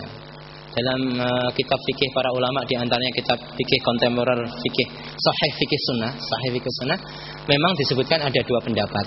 Mana yang lebih rojih nanti kita sebutkan. Pendapat yang pertama, tidak boleh puasa sunnah sawal dan puasa sunnah yang lain sebelum kewajibannya dipenuhi. Karena hadisnya adalah man soma ya kan? Fa'at ba'ahu sittan min sawal. Barang siapa yang puasa Ramadan Artinya kalau dikatakan puasa Ramadan kan penuh 30 hari atau 29 hari Baru mengikuti 6 hari di bulan Sawal Kalau orang punya hutang hutang 5 hari kan belum dibilang dia puasa Ramadan kan Pak Ya, maka belum sempurna maka hendaklah dia puasa yang wajib dulu sempurnakan baru puasa Sawal dan puasa sunnah yang lain. Ini pendapat yang pertama. Kemudian pendapat yang kedua tidak demikian. Ya, tidak demikian. Jadi boleh melaksanakan puasa sawal atau puasa sunnah yang lain, ya, walaupun dia belum membayar hutangnya. Karena seperti Aisyah radhiyallahu anha itu tidak membayar hutangnya kecuali bulan Sa'ban mepet. Ya, dan tidak mungkin sekelas beliau itu tidak puasa Arafah, tidak puasa ini kayaknya tidak mungkin orang soleh seperti itu. Dan juga secara kaidah, secara kaidah wajibnya membayar puasa hutang Ramadan itu wajibnya sifatnya muwasa, Mbak. Luas. Bisa dilakukan sekarang, bisa dilakukan besok, bisa dilakukan besoknya lagi sampai sebelum Ramadan berikutnya. Wajib ya wajib, tapi ada yang namanya wajibun muwasa, ada wajib yang sifatnya mudoyak. Wajib mudoyak itu wajib yang sifatnya uh, sempit waktunya. Misal sholat maghrib kan waktunya sempit tidak bisa diulur oh nanti jam 11 kan gitu kan. Oh puasa puasa misalnya puasa Arafah. Oh puasa Arafah itu waktunya terbatas. Pada waktu wukuf bagi yang tidak haji ataupun tanggal 9 yang sekarang jadi polemik perbedaan apakah kita puasa mengikuti wukufnya orang-orang yang wukuf di Saudi atau tanggal 9 yang ada di Indonesia ini. Jadi polemik yang dua-duanya menurut saya ya bisa dipakai ya saya lebih cenderung ikut masyarakat sekitar sajalah biar kita tidak berbeda dengan masyarakat yang ada. Jadi dari dua pendapat ini Bapak eh, yang rojih adalah pendapat yang kedua boleh puasa sunnah terdahulu walaupun kita belum membayar puasa yang wajib. Itu pendapat yang kuat. Ayo cukup jelas ya. Ya sama-sama Pak. Yang kedua Pak Ardi.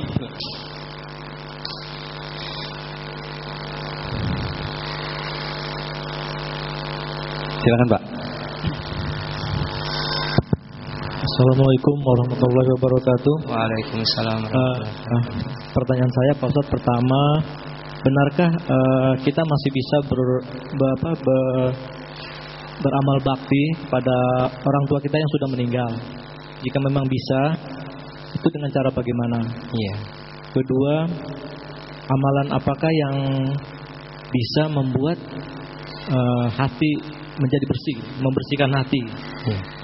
Sebab kita lihat, kita menyaksikan sendiri banyak orang yang sholat lima waktu, sholat, tapi kita masih melihat mereka sombong, ria, apa, inki gitu kan. Nah, adakah amalan tertentu yang bisa membersihkan hati? Pada akhirnya itu dapat membersihkan hati dari sifat sombong, iri, dengki, dan lain sebagainya yang yang buruk-buruk. Pertanyaan ketiga, uh, saya melihat ada sebuah paham apa gimana ya? Ada orang yang merasa uh, berpaham, yang penting uh, hablum minallahnya sangat baik. Iya. Namun untuk hablum minanas kelihatannya agak diabaikan. Iya. Seperti kalau janji ingkar, berkata bohong. Namun kalau untuk hablum minallahnya luar biasa. Biasa, ya. Nah, saya heran dengan fenomena seperti ini. Apa? Orang-orang seperti ini dalam dalam pemikiran tuh seperti apa gitu. Saya bingung Iya. bisa seperti itu tuh bagaimana ceritanya gitu. Iya. Baik, terima kasih sekian terima kasih. Wassalamualaikum warahmatullahi wabarakatuh. Ya. Waalaikumsalam warahmatullahi wabarakatuh. Tayyib barakallahu fikum. Dengan Bapak siapa? Pak Arbi ya. Ardi. Ardi, Pak Ardi ya. Terima kasih Bapak telah menyampaikan pertanyaan yang sangat bagus. Dibantu mengingat pertanyaannya ya Pak. Ada tiga pertanyaan.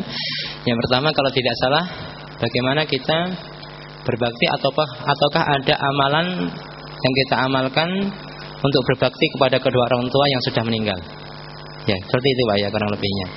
Eh, jawabannya ada ya disebutkan dalam eh, hadis bahwa di antaranya menyambung silaturahmi terhadap sahabat dan eh, keluarga, kemudian menunaikan janji-janjinya, ya, kemudian mendoakannya itu adalah bagian daripada amalan-amalan yang bisa kita lakukan. Tapi kalau berhubungan dengan eh, mengirim menghadiahkan pahala itu memang terjadi perbedaan pendapat antara madhab Hambali dan madhab Syafi'i.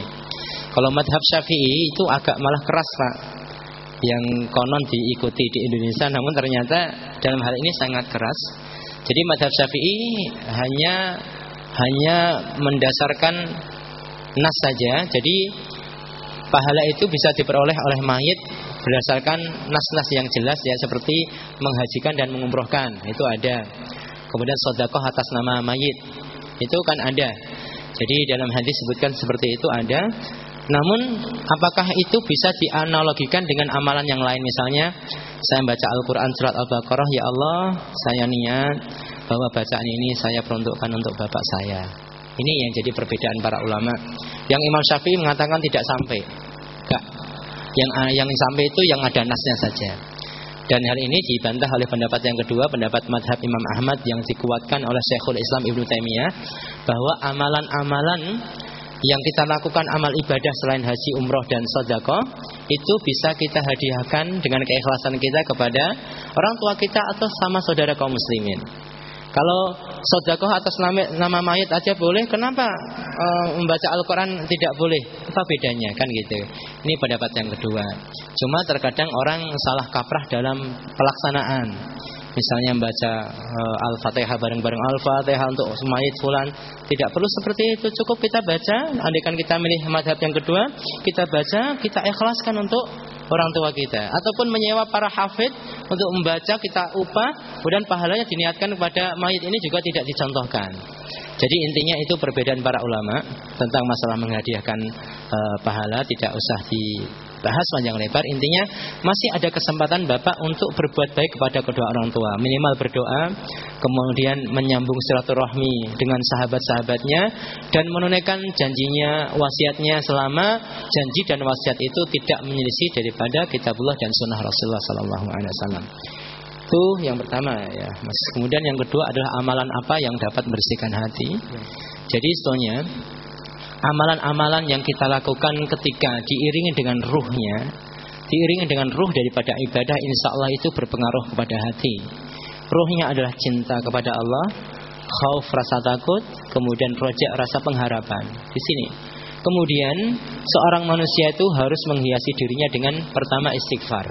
Istighfar banyak mohon ampun kepada Allah. Kemudian at-taubat. Taubat ini adalah harus dilakukan di awal perjalanannya sampai akhir perjalanan dia. Taubat itu bukan hanya untuk orang pelaku dosa-dosa besar. Kita semuanya butuh pada taubat. Maka surat An-Nur ayat 31 ya ayyuhalladzina amanu tubu ilallah ilallahi jami'an wa tubu ilallahi jami'an dan bertobatlah kalian kepada Allah semuanya. Perintah tobat ini ternyata apa? Ayat surat An-Nur ayat 31 ini turun kepada generasi terbaik para sahabat yang tinggal di Madinah. Apakah mereka peminum khamr? Tidak. Mereka itu luar biasa. Tapi ternyata perintah tobat itu ditujukan kepada mereka. Mungkin kalau Al-Quran itu masih turun pada zaman sekarang, itu ayat tobat turun tiap hari. Kan gitu. Andaikan ayat Al-Quran kalau kita, kita itu boleh mengandai-andai kan Ayat Al-Quran itu mungkin turun kepada kita dan isinya perintah untuk bertobat Kemudian yang keempat yang perlu diperhatikan adalah sikap tawaduk dan untuk menjadikan kita itu tawaduk e, bersih hati kita ingat asal usul kita itu kita itu dari suatu yang hina suatu yang sangat lemah sekali apa yang kita perlu sombongkan ya maka uh, pembersihan hati itu bisa lahir daripada itu. Dan saya bisa uh, memberikan uh, suatu tawaran pada Bapak untuk membaca buku-buku bukan buku tasawuf ya. Kalau tasawuf itu kan konotasinya sufi gitu ya. Jadi kalau boleh kita katakan sufi yang sunni gitu ya.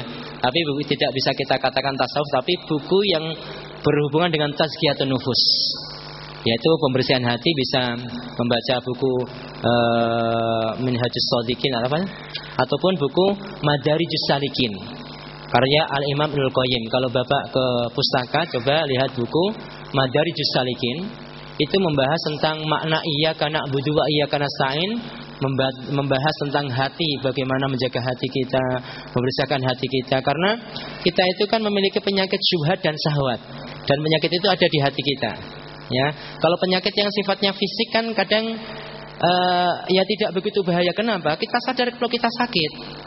Sakit gigi pak ya, aduh ke dokter insya Allah dikasih obat untuk menghilangkan rasa sakit sembuh dalam waktu 10 menit.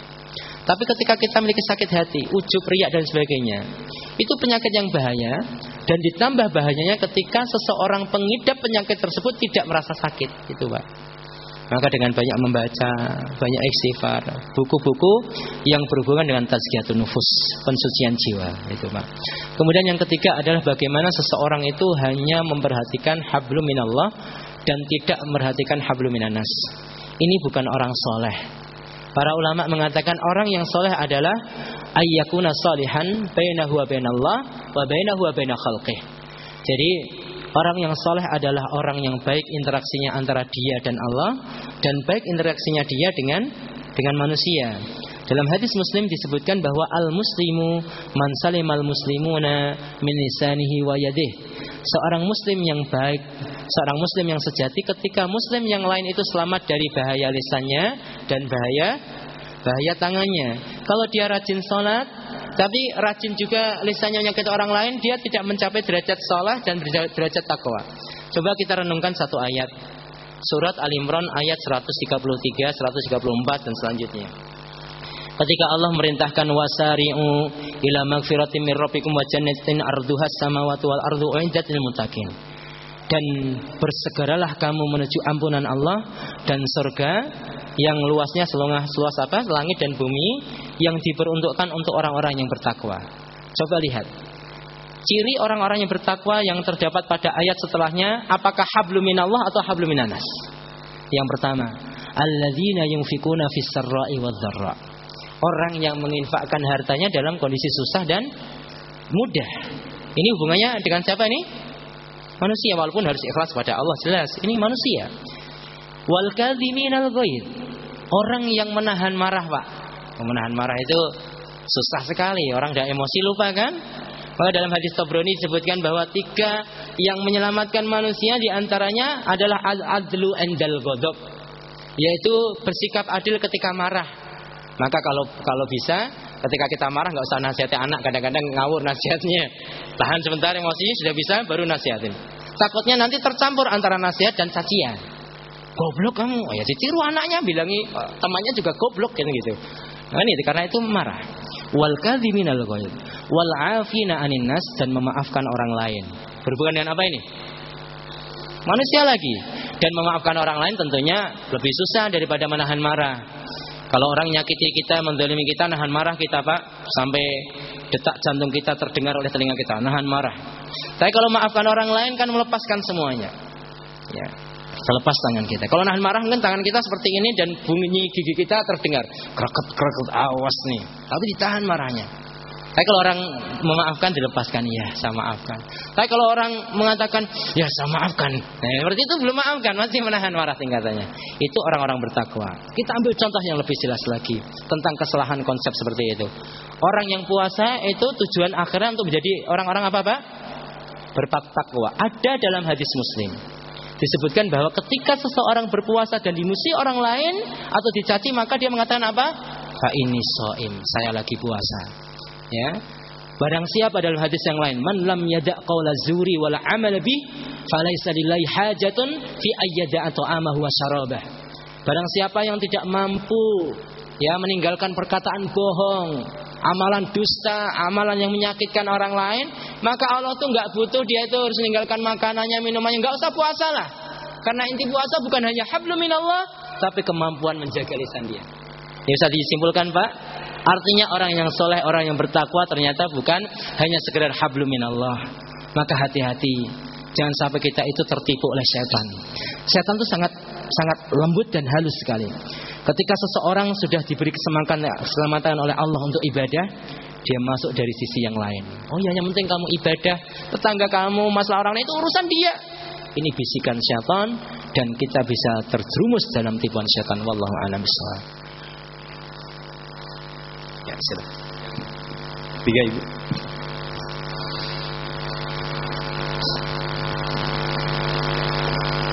Terima kasih. Assalamualaikum warahmatullahi wabarakatuh. Waalaikumsalam warahmatullahi wabarakatuh. E, pertanyaan pertama, di manakah niat itu bisa masuk ke ranah e, nazar? Jadi bedanya niat dengan nazar. Oh, Yang iya. kedua, bila kita sudah meniatkan amal untuk membantu seseorang dalam hal kesulitannya, terus kita batalkan karena ada seseorang lain yang lebih membutuhkan. Iya. Apakah nanti ada kewajiban kita untuk meng- tadi yang pertama untuk niat yang pertama tadi? Apakah Iya. tetap ada kewajiban kita untuk beramal kepada orang yang pertama tadi karena kita sudah mengalihkan niat Iya. kita? Iya. Terus yang ketiga, ini mohon maaf agak melenceng dari tema. Jadi bolehkah kita membatalkan jual beli dengan orang yang sudah meninggal? Dengan riwayat eh, ketika masih hidup setelah terjadi jual beli tapi belum ada kesepakatan harga. Iya. Ketika diberitahukan kepada ahli warisnya, ternyata ahli warisnya tidak tahu. Hmm. Terus ternyata hasil jual beli itu sudah dipergunakan. Ya, itu saja. Terima kasih. Assalamualaikum warahmatullahi wabarakatuh. Assalamualaikum warahmatullahi wabarakatuh. Ya. Eh, yang pertama adalah eh, sudah sampai eh, mana apakah niat kapan niat itu sampai ranah nazar ya ibu ya. Jadi tergantung niat kita apakah kita hanya niat saja niat saya ingin ini atau ada memang niat nazar. Tentunya itu beda sekali. Kalau hanya niat saja saya pengen inilah itu tidak masuk wilayah nazar. Ya kalau niatnya oh saya bernazar untuk melakukan ini baru masuk wilayah nazar. Baik secara batin ataupun diperkuat dengan ucapan. Insya Allah dalam eh, kalau saya misalnya berhasil mendapatkan proyek ini, misalnya saya akan mengeluarkan eh, infak sebesar ini. Itu sudah masuk wilayah nazar, apalagi sudah apa diucapkan. Tapi kalau hanya niat, eh, insya Allah kalau nanti ya kalau nanti ini itu bukan nazar tapi niat saja. Tapi perlu dipahami bahwa nazar hukumnya apa ibu? Nazar pada awal permulaannya itu hukumnya makruh, Pak. Nah ini nanti kita jelaskan dikit mumpung saya di sini. Kalau saya nggak jelaskan dosa ini. Jadi nazar itu dalam sebuah hadis, hadis sahih banyak sekali. La yustakhraju illa minal bakhil. Jadi nazar itu tidak dikeluarkan kecuali orang yang bakhil. Maksudnya apa? Kalau mau ibadah nggak usah digantung-gantungkan gitu ya. Mau infak infak seakan-akan maksa Allah. Loh ingat Allah. Kalau saya nggak sukses nggak puasa saya kan gitu. Jadi makruh hukum awalnya. Tapi kalau sudah kadung nazar kebaikan wajib menunaikan dan itu bentuk ibadah. Maka para ulama mengatakan masalah yang paling muskil, yang masalah yang paling apa, yang paling pelik itu masalah nazar. Bagaimana sesuatu disebut ibadah tapi awalnya makruh kan gitu kan. Maka jangan suka banyak nazar ibu ya. Ya kita lulus ujian atau tidak, dapat proyek atau tidak, ya kalau mau puasa puasa saja, mau sedekah sedekah saja, tanpa harus dikaitkan dengan amal tertentu. Tapi kalau sudah nazar maka hendaklah ditunaikan kalau nazar itu berhubungan dengan eh, satu kebaikan. Kemudian masalah jual beli dengan orang yang sudah meninggal, ya soalnya jual beli itu kalau sudah sah ya itu kewajiban bagi ahli waris untuk meneruskan tentunya, untuk meneruskan. Tapi kalau memang terjadi permasalahan, kalau ada wilayah Islam tentunya diselesaikan dengan Islam. Tapi kalau tidak ada, tidak bisa diselesaikan, ya sudah batal saja.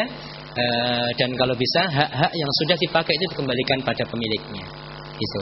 Tapi batal dalam artian ya dibatalkan jual beli dan apa-apa yang sudah dipergunakan itu dikembalikan pada pemiliknya supaya kita terjauhi dari sikap dan sifat zalim ibu. Seperti itu. Yang kedua apa ibu? Hmm? Oh ya, mengalihkan amal ya tidak masalah. Jadi uh, orang kan gini ya. Orang itu selagi dia seorang muslim masalah mendapatkan kesempatan sangat luar biasa. Man hamma bihasanatin ya, barang siapa yang baru ham, baru ingin untuk berbuat baik sudah dapat satu kebaikan. Kalau terwujud berarti sepuluh kebaikan. Dan ketika dia mainkan untuk berbuat kebaikan kemudian dia melihat kemaslahatannya lebih sedikit ketika saya laksanakan dan dia mengalihkan kepada yang lain karena kemaslahatan lebih besar tidak mengapa ibu. Tidak mengapa. Selagi ibu tidak janji pada orang tersebut itu masih berhubungan dengan hati ibu tidak masalah. Tapi kalau sudah berjanji dengan si fulan bapak insya Allah eh, saya akan ini gitu. Itu usahakan tunaikan tapi kalau kita belum berjanji dan kita melihat bahwa maslahatnya lebih besar untuk dialihkan kepada orang yang menurut kita lebih membutuhkan, tidak masalah. Tidak mengurangi kualitas dalam amal kita insya Allah. Barakallahu fikum Ibu. Terima kasih. Ya, Masya Allah, ini banyak sekali ilmunya. Silahkan masih dibuka kesempatan nih. Uh, apa namanya utamanya waktu sekarang adalah bertanya nih. Silahkan Pak Presiden. Baik, Assalamualaikum warahmatullahi wabarakatuh. Waalaikumsalam warahmatullahi wabarakatuh. Saya mau nanya tentang ini Pak Ustaz, apa istiqomah dengan, dengan kona'ah. Nah, tadi Pak Ustaz sampaikan bahwa istiqomah ini hampir-hampir susah digapai oleh manusia. Artinya begitu sulitnya. Iya. Nah, saya ingin mendapat kalimat yang sederhana Pak Ustaz, bagaimana uh, penerapan istiqomah itu. Kalimat yang sederhana karena tadi Pak Ustaz kan banyak ayatnya yang iya, iya. bersambung-sambung itu. Iya. Nah, kira-kira kesimpulannya ini bagaimana supaya kita bisa istiqomah dan bagaimana itu qanaah. Itu saya Ustaz. Iya. Jadi definisi istiqomah, definisi dulu ya, Pak. Kalau istiqomah dari sisi bahasa itu istiqomah yastaqimu istiqomatan lurus. Itu arti secara bahasa. Kalau secara istilah seperti yang disebutkan oleh Al Imam An Nawawi dalam syarah hadis arba'in milik beliau beliau mengatakan bahwa al istiqomah adalah mulazamatut tariq bi fi'lil wajibat wa tarkil manhiyat yaitu melazimi jalan kebenaran dengan cara apa Pak? Melaksanakan seluruh kewajiban dan meninggalkan seluruh larangan. Itulah istiqomah Pak. Luar biasa ya. Makanya sulit tadi kan gitu. Seluruh kewajiban kalau seluruh kewajiban kan itu berhubungan dengan kemampuan kita ya Pak. Kita tidak mungkin dituntut untuk haji ketika kita belum mampu haji. Tapi kalau larangan mampu nggak mampu harus ditinggalkan itu. Kan gitu kan. Dan kita nyolong-nyolong katanya. Nyolong-nyolong dalam larangan itu. Ya ucapannya kemudian kurang sabar dan sebagainya. Sedangkan tata cara istiqomah disebutkan oleh para ulama dan Syekhul Islam Ibnu Taimiyah memiliki buku yang namanya Istiqomah, membahas tuntas tentang istiqomah. Saya juga memiliki sedikit tulisan tentang istiqomah dan sarana-sarana yang harus kita lakukan untuk supaya istiqomah. Banyak di antaranya adalah tadabur Al-Quran dengan membaca kisah para nabi dan para rasul. Bagaimana mereka itu diuji. Ujiannya sangat berat sekali tapi bagaimana mereka itu bersabar. Dengan keistiqomahan mereka berdakwah dan berjuang ternyata hasilnya luar biasa. Nah ketika kita kadang-kadang ya Allah lagi malas nih. Kita lihat cerita para nabi dan orang-orang soleh Masya Allah. Artinya orang-orang yang sukses ternyata orang yang sungguh-sungguh menjaga kualitas imannya Bukan orang malas. Orang malas malah cenderung tidak berhasil. Itu salah satu sarana seorang mendapatkan istiqomah. Lalu apa bedanya istiqomah dengan kona'ah? Ya, istiqomah dengan kona'ah sama-sama amalan baik tapi beda definisi ya Pak. Namanya kona'ah Bapak dari Jawa atau dari Makassar. Ada yang dari Jawa sini Pak yang masih paham bahasa Jawa? Ada tidak? Tidak ada. Ya. Jadi konaah kalau menurut orang Jawa adalah terima ing pandung katanya. Terima ing pandung itu menerima apa adanya. Menerima apa adanya. Yang e, ketika diberikan sedikit maka dia menerima. Al qanaatu bil qalil. Qanaah dengan pemberian yang sedikit. Ini sifat yang sangat luar biasa. Dia tidak rakus tidak rakus ini kona apa? Jadi istiqomah itu adalah bagaimana dia menjaga kualitasnya supaya tidak turun iman dan amalnya. Dan e, salah satu daripada untuk istiqomah bisa kita katakan konaah itu bisa membantu seorang istiqomah. Jadi kan kalau kita digoda dengan harta kekayaan, uh, itu bisa jadi kita nggak istiqomah akhirnya mengorbankan kewajiban yang haram ditendang. Ya dengan konaah ini bisa jadi dia bisa istiqomah. nggak apa-apalah Memang kalau Allah memberikan uh, segini ya sudah kita kona'ah. Yang penting kita usaha dengan usaha yang halal. Itu kona'ah. ya seperti yang disebutkan oleh Imam Ali bahwa iman itu ada empat ya termasuk salah satunya adalah al qanaatu bil qalil qanaah dengan satu yang sedikit iman pada yang diturunkan bitangzil kemudian dia qanaah dengan yang sedikit yang diberikan oleh Allah kalau qanaah terhadap yang banyak itu bukan qanaah harus syukur Pak ya Ya, kemudian adalah dia itu al istidad li yaumir rahil, selalu bersiap-siap untuk mengadakan perjalanan yang panjang berjumpa dengan Allah Subhanahu wa taala. Semoga kita termasuk hamba-hamba yang qanaah. Amin amin ya rabbal alamin. Uh, silakan barangkali ada yang masih mau ditanyakan? Enggak. Ini susah sekali bisa bertanya kepada orang yang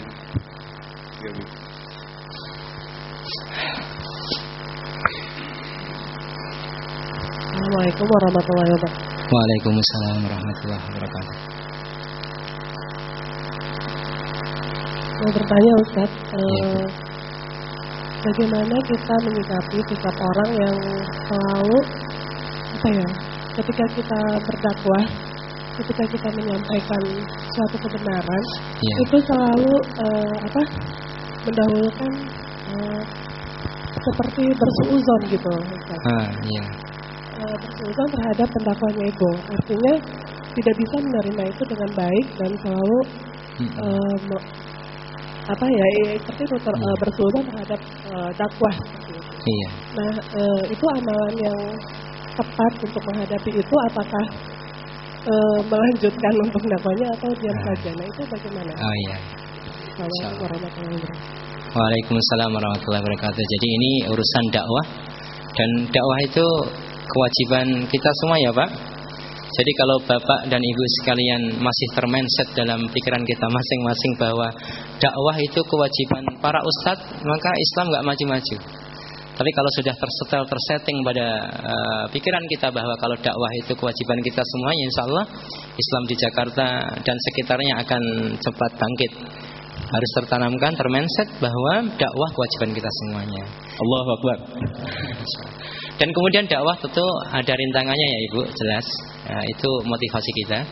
Dalam surat Luqman eh, ketika Luqman berpesan kepada anaknya, eh, wa'mur bil ma'ruf wanha 'anil munkari wasbir 'ala ma asabak. Perintahkan yang ma'ruf, kemudian tinggalkan yang mungkar, ingat sabar sesuatu yang akan menimpa kamu. Jadi para ulama mengambil kesimpulan bahwa jalan dakwah itu bukan jalan yang mulus. Ya, tapi ini jalan Rasul dalam surat Yusuf ayat 108 kul hadhi sabili. Lalu bagaimana kalau memang kenyataannya eh, kita itu ditentang atau suudon ya. Pertama perlu dicatat Ibu, itulah ujian keikhlasan kita dalam berdakwah. Itu pertama. Jadi ikhlas itu memang agak susah. Jadi kalau kita eh, mendakwai kemudian respon daripada orang yang didakwai baik, masa Allah itu membantu keikhlasan ya Pak, membantu keikhlasan walaupun itu ujian. Jangan sampai kita riak kan gitu. Tapi ketika kita sudah dakwah, mendakwai baik-baik, malah timbal baliknya buruk. Itu ujian bagi kita, ikhlas enggak? Maka ingat bahwa dakwah yang kita sampaikan tujuannya itu apa Ibu? Dakwah yang kita sampaikan yang disampaikan oleh Rasul dan para pengikut Rasul dari para pendakwah sampai saat ini tujuannya adalah al-balag, menyampaikan kebenaran, bukan memberikan petunjuk hati dia. Petunjuk hati kita kita tidak menguasai. Innaka la tahdi man ahbab. Rasulullah tidak mampu memberikan petunjuk kepada Ali bin Abi Thalib. Ini adalah uh, level pertama supaya kita memahami konsep kemudian niat yang benar dalam berdakwah. Sehingga kita ke- ketika menghadapi seseorang seperti itu malah tantangan. Jangan berhenti berdakwah. Cuma yang harus kita pikirkan adalah tata caranya. Nah, mungkin kalau dibicara secara langsung, oh nggak bisa nih. Oh, mungkin lewat temannya, oh lewat pesan, oh lewat buku atau lewat mana pun. Ini yang perlu kita kita pikirkan. Bagaimana pesan itu bisa sampai ke seseorang dan seudahnya itu lenyap, ya itu ibu.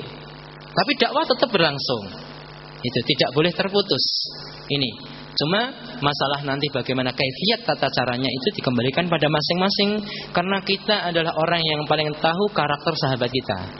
Ada sahabat kita kalau diomongin langsung eh, tersinggung atau diomongin depan orang umum tersinggung maka jangan sampai kita menasihatkan sesuatu kepada dia di depan umum karena itu akan menjatuhkan dia misalnya. Maka tata cara seperti ini dikembalikan pada kita karena kita paling tahu karakter sahabat kita. Ya Ibu ya. Jadi betul-betul dakwah harus dilanjutkan, itu ujian ikhlas. Sedangkan yang kita pikirkan adalah tata cara. Tata cara sifatnya adalah istihadi. Ya kemampuan ataupun potensi yang ada pada diri kita kita kembangkan. Misalnya kita seorang apa namanya uh, seorang yang seorang trainer ya itu kita masya Allah seorang motivator ya kita manfaatkan. Kita seorang pedagang ya kita manfaatkan potensi yang kita miliki untuk berdakwah di jalan Allah. Tidak harus di mimbar, tidak harus kita membacakan ayat dan hadis langsung. Ya, bagaimana Rasulullah itu perjalanan hijrah menyempatkan untuk dakwah. Kemudian yang terakhir ibu bentuk kecintaan kita kepada saudara kita. Kalau memang betul-betul ikhlas kita itu ingin dia berubah doa ya. Fi ghaib. Ketika dia tidak mengetahuinya. Betul ikhlas kalau ya tak doakan ente biar kaya biar ya itu belum tentu ikhlas itu. Tapi ketika sepertiga malam terakhir ya sepertiga malam terakhir ya dia mengangkat tangan ya Allah sesungguhnya aku cinta si fulan karena engkau ya Allah. Berilah kemudahan dibukakan hatinya itu keikhlasan. Dalam riwayat Imam Muslim, malaikat akan ganti mendoakan untuk kamu yang semisalnya. Luar biasa kan? Kita berdoa kepada Allah, tapi kita didoakan malaikat. Jangan rugi, wah enak banget didoakan. Enggak akan rugi mendoakan orang lain. Abu Darda, seorang sahabat uh, mulia eh, radhiyallahu an sepertiga malam terakhir setelah salat beliau menyebutkan nama-nama sahabat-sahabat yang dicintainya sebanyak 70 sampai 80 orang. Disebutkan si fulan, si fulan, si fulan, si fulan. Pernah kita lakukan seperti itu, Pak? Itu bukti cinta, bukan hanya kita bermuka manis di hadapan dia tapi tidak pernah mendoakan. Paling doa secara umum kan, Allahumma fir lil mu'minin wal mu'minat al ahya minhum wal amwat. Ya ya Allah ampuni dosa orang mukmin yang hidup, yang sudah mati di laut, di daratan, di jamak semuanya. Coba sekali-kali kita doakan secara personal, person-person bukti cinta kepada Allah. Dan saya yakin, Ibu, ketika kita tulus dari hati kita, kita buktikan dengan doa, ucapan kita akan jatuh di hatinya. Insya Allah ya. Ya. Jadi itu ringkasan apa yang saya sampaikan. Tentunya di lapangan ibu lebih tahu. Bisa jadi ini kurang mewakili, tapi saya berusaha untuk menjawab sesuai dengan pengetahuan saya.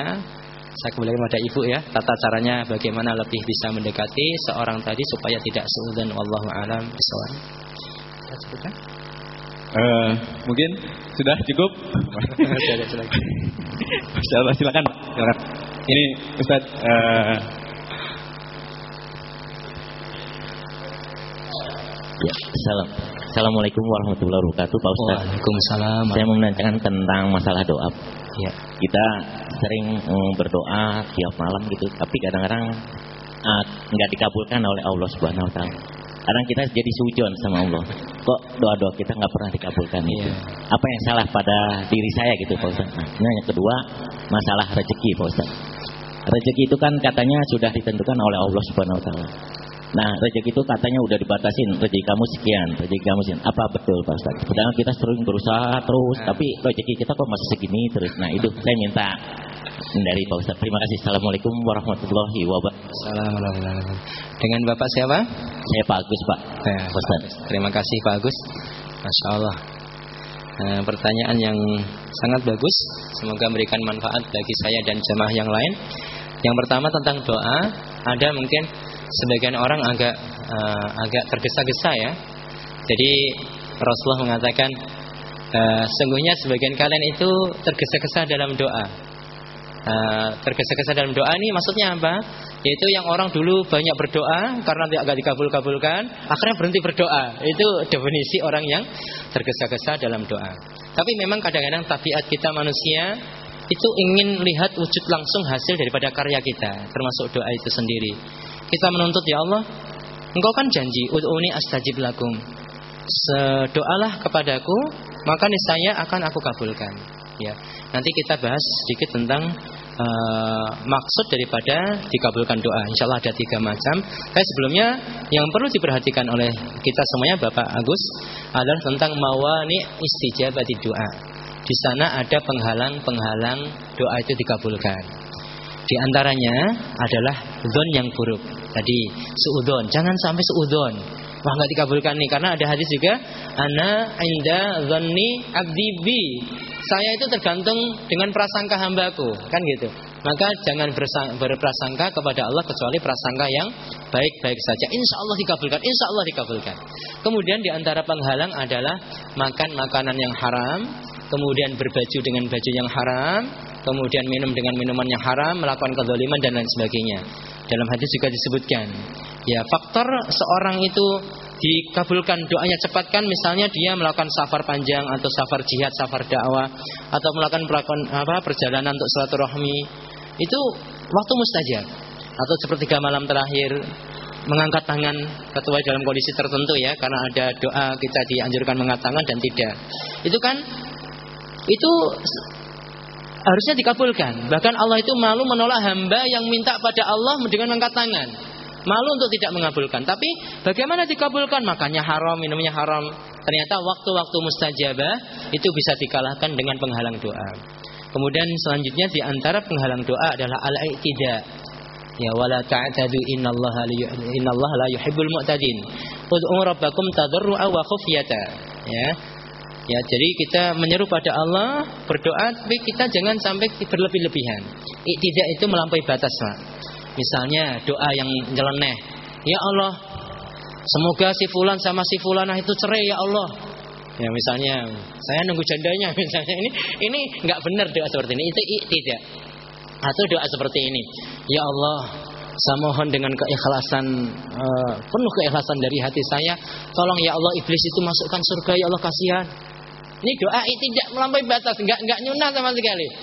Ya Allah, berilah saya itu anak ya Allah, enggak nikah-nikah.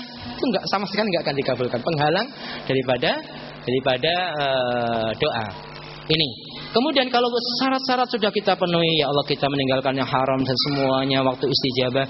Kemudian doa ternyata tidak dikabulkan, itu keliru Pak. Rasulullah menyampaikan doa itu pasti dikabulkan dengan tiga hal. Yang pertama wujud langsung. Ya Allah dikasih jodoh yang soleha Alhamdulillah selang beberapa hari kita ditawari seseorang dari uh, dari kenalan kita. Anaknya soleha masya Allah. Langsung dikabulkan. Ya Allah haji tahun ini ya Allah misalnya. Ternyata tiba-tiba dapat luar biasa hadiah haji dari pemerintah Saudi misalnya. Jadi tamu negara kan kita nggak nggak tahu kan. Kemudian yang kedua doa itu akan dipalingkan pada sesuatu yang kita butuhkan tapi kita tidak ngeh kita mintanya terus, minta duit terus. Padahal kita juga butuh sehat kan Mbak? Nggak pernah minta sehat, tapi Allah duitnya dikasih sedikit tapi sehat terus. Padahal kita nggak pernah minta sehat. Atau tiba-tiba ada terjadi tabrakan, dek bapak selamat, padahal tidak pernah meminta doa keselamatan. Doa itu diganti dengan sesuatu yang antum butuhkan, yang bapak butuhkan, yang bapak tidak pernah minta. Ini maksud dikabulkan yang kedua. Kemudian yang ketiga adalah ketika seseorang berdoa tidak dikabulkan di dunia itu disimpan di Allah. Ya di sisi Allah sebagai bentuk ibadah. Jangan khawatir nggak dikabulkan itu ibadah pak. Tenang hati kita. Alhamdulillah. Ya kan pak? Kemudian masalah rizki ya. Dalam hadis muslim juga disebutkan lan tamuta nafsun hatta yustakmala rizkuha seseorang itu tidak akan dicabut nyawanya sampai disempurnakan rizkinya. Walaupun tersisa hanya satu gelas air, tidak akan dicabut nyawanya. Itu rizki. Rizki bukan hanya terbatas uang, Pak. Bukan terbatas apa namanya uh, harta. Anak istri kita itu rizki dari Allah, kesehatan kita. Jadi memang sudah ada hitungannya. Ya kalau memang ketika kita dapatkan, oh sehari ini dapat 100 ribu, mau dikejar kok nggak dapat juga gitu. Ya memang jatahnya segitu. Maka kita dituntut kona'ah. Jadi kita bukan mengatur Allah, tapi Allah mengatur kita. Gimana sih ya Allah? Saya kan udah kerja, kerja keras nih. Kok 100 ribu terus? Nah ini kita yang ngatur Allah jadinya kan gitu. Jadi sikap kona'ah tadi yang ditanyakan Bapak itu perlu dipraktekkan. Sedikit dan banyak itu karena Allah.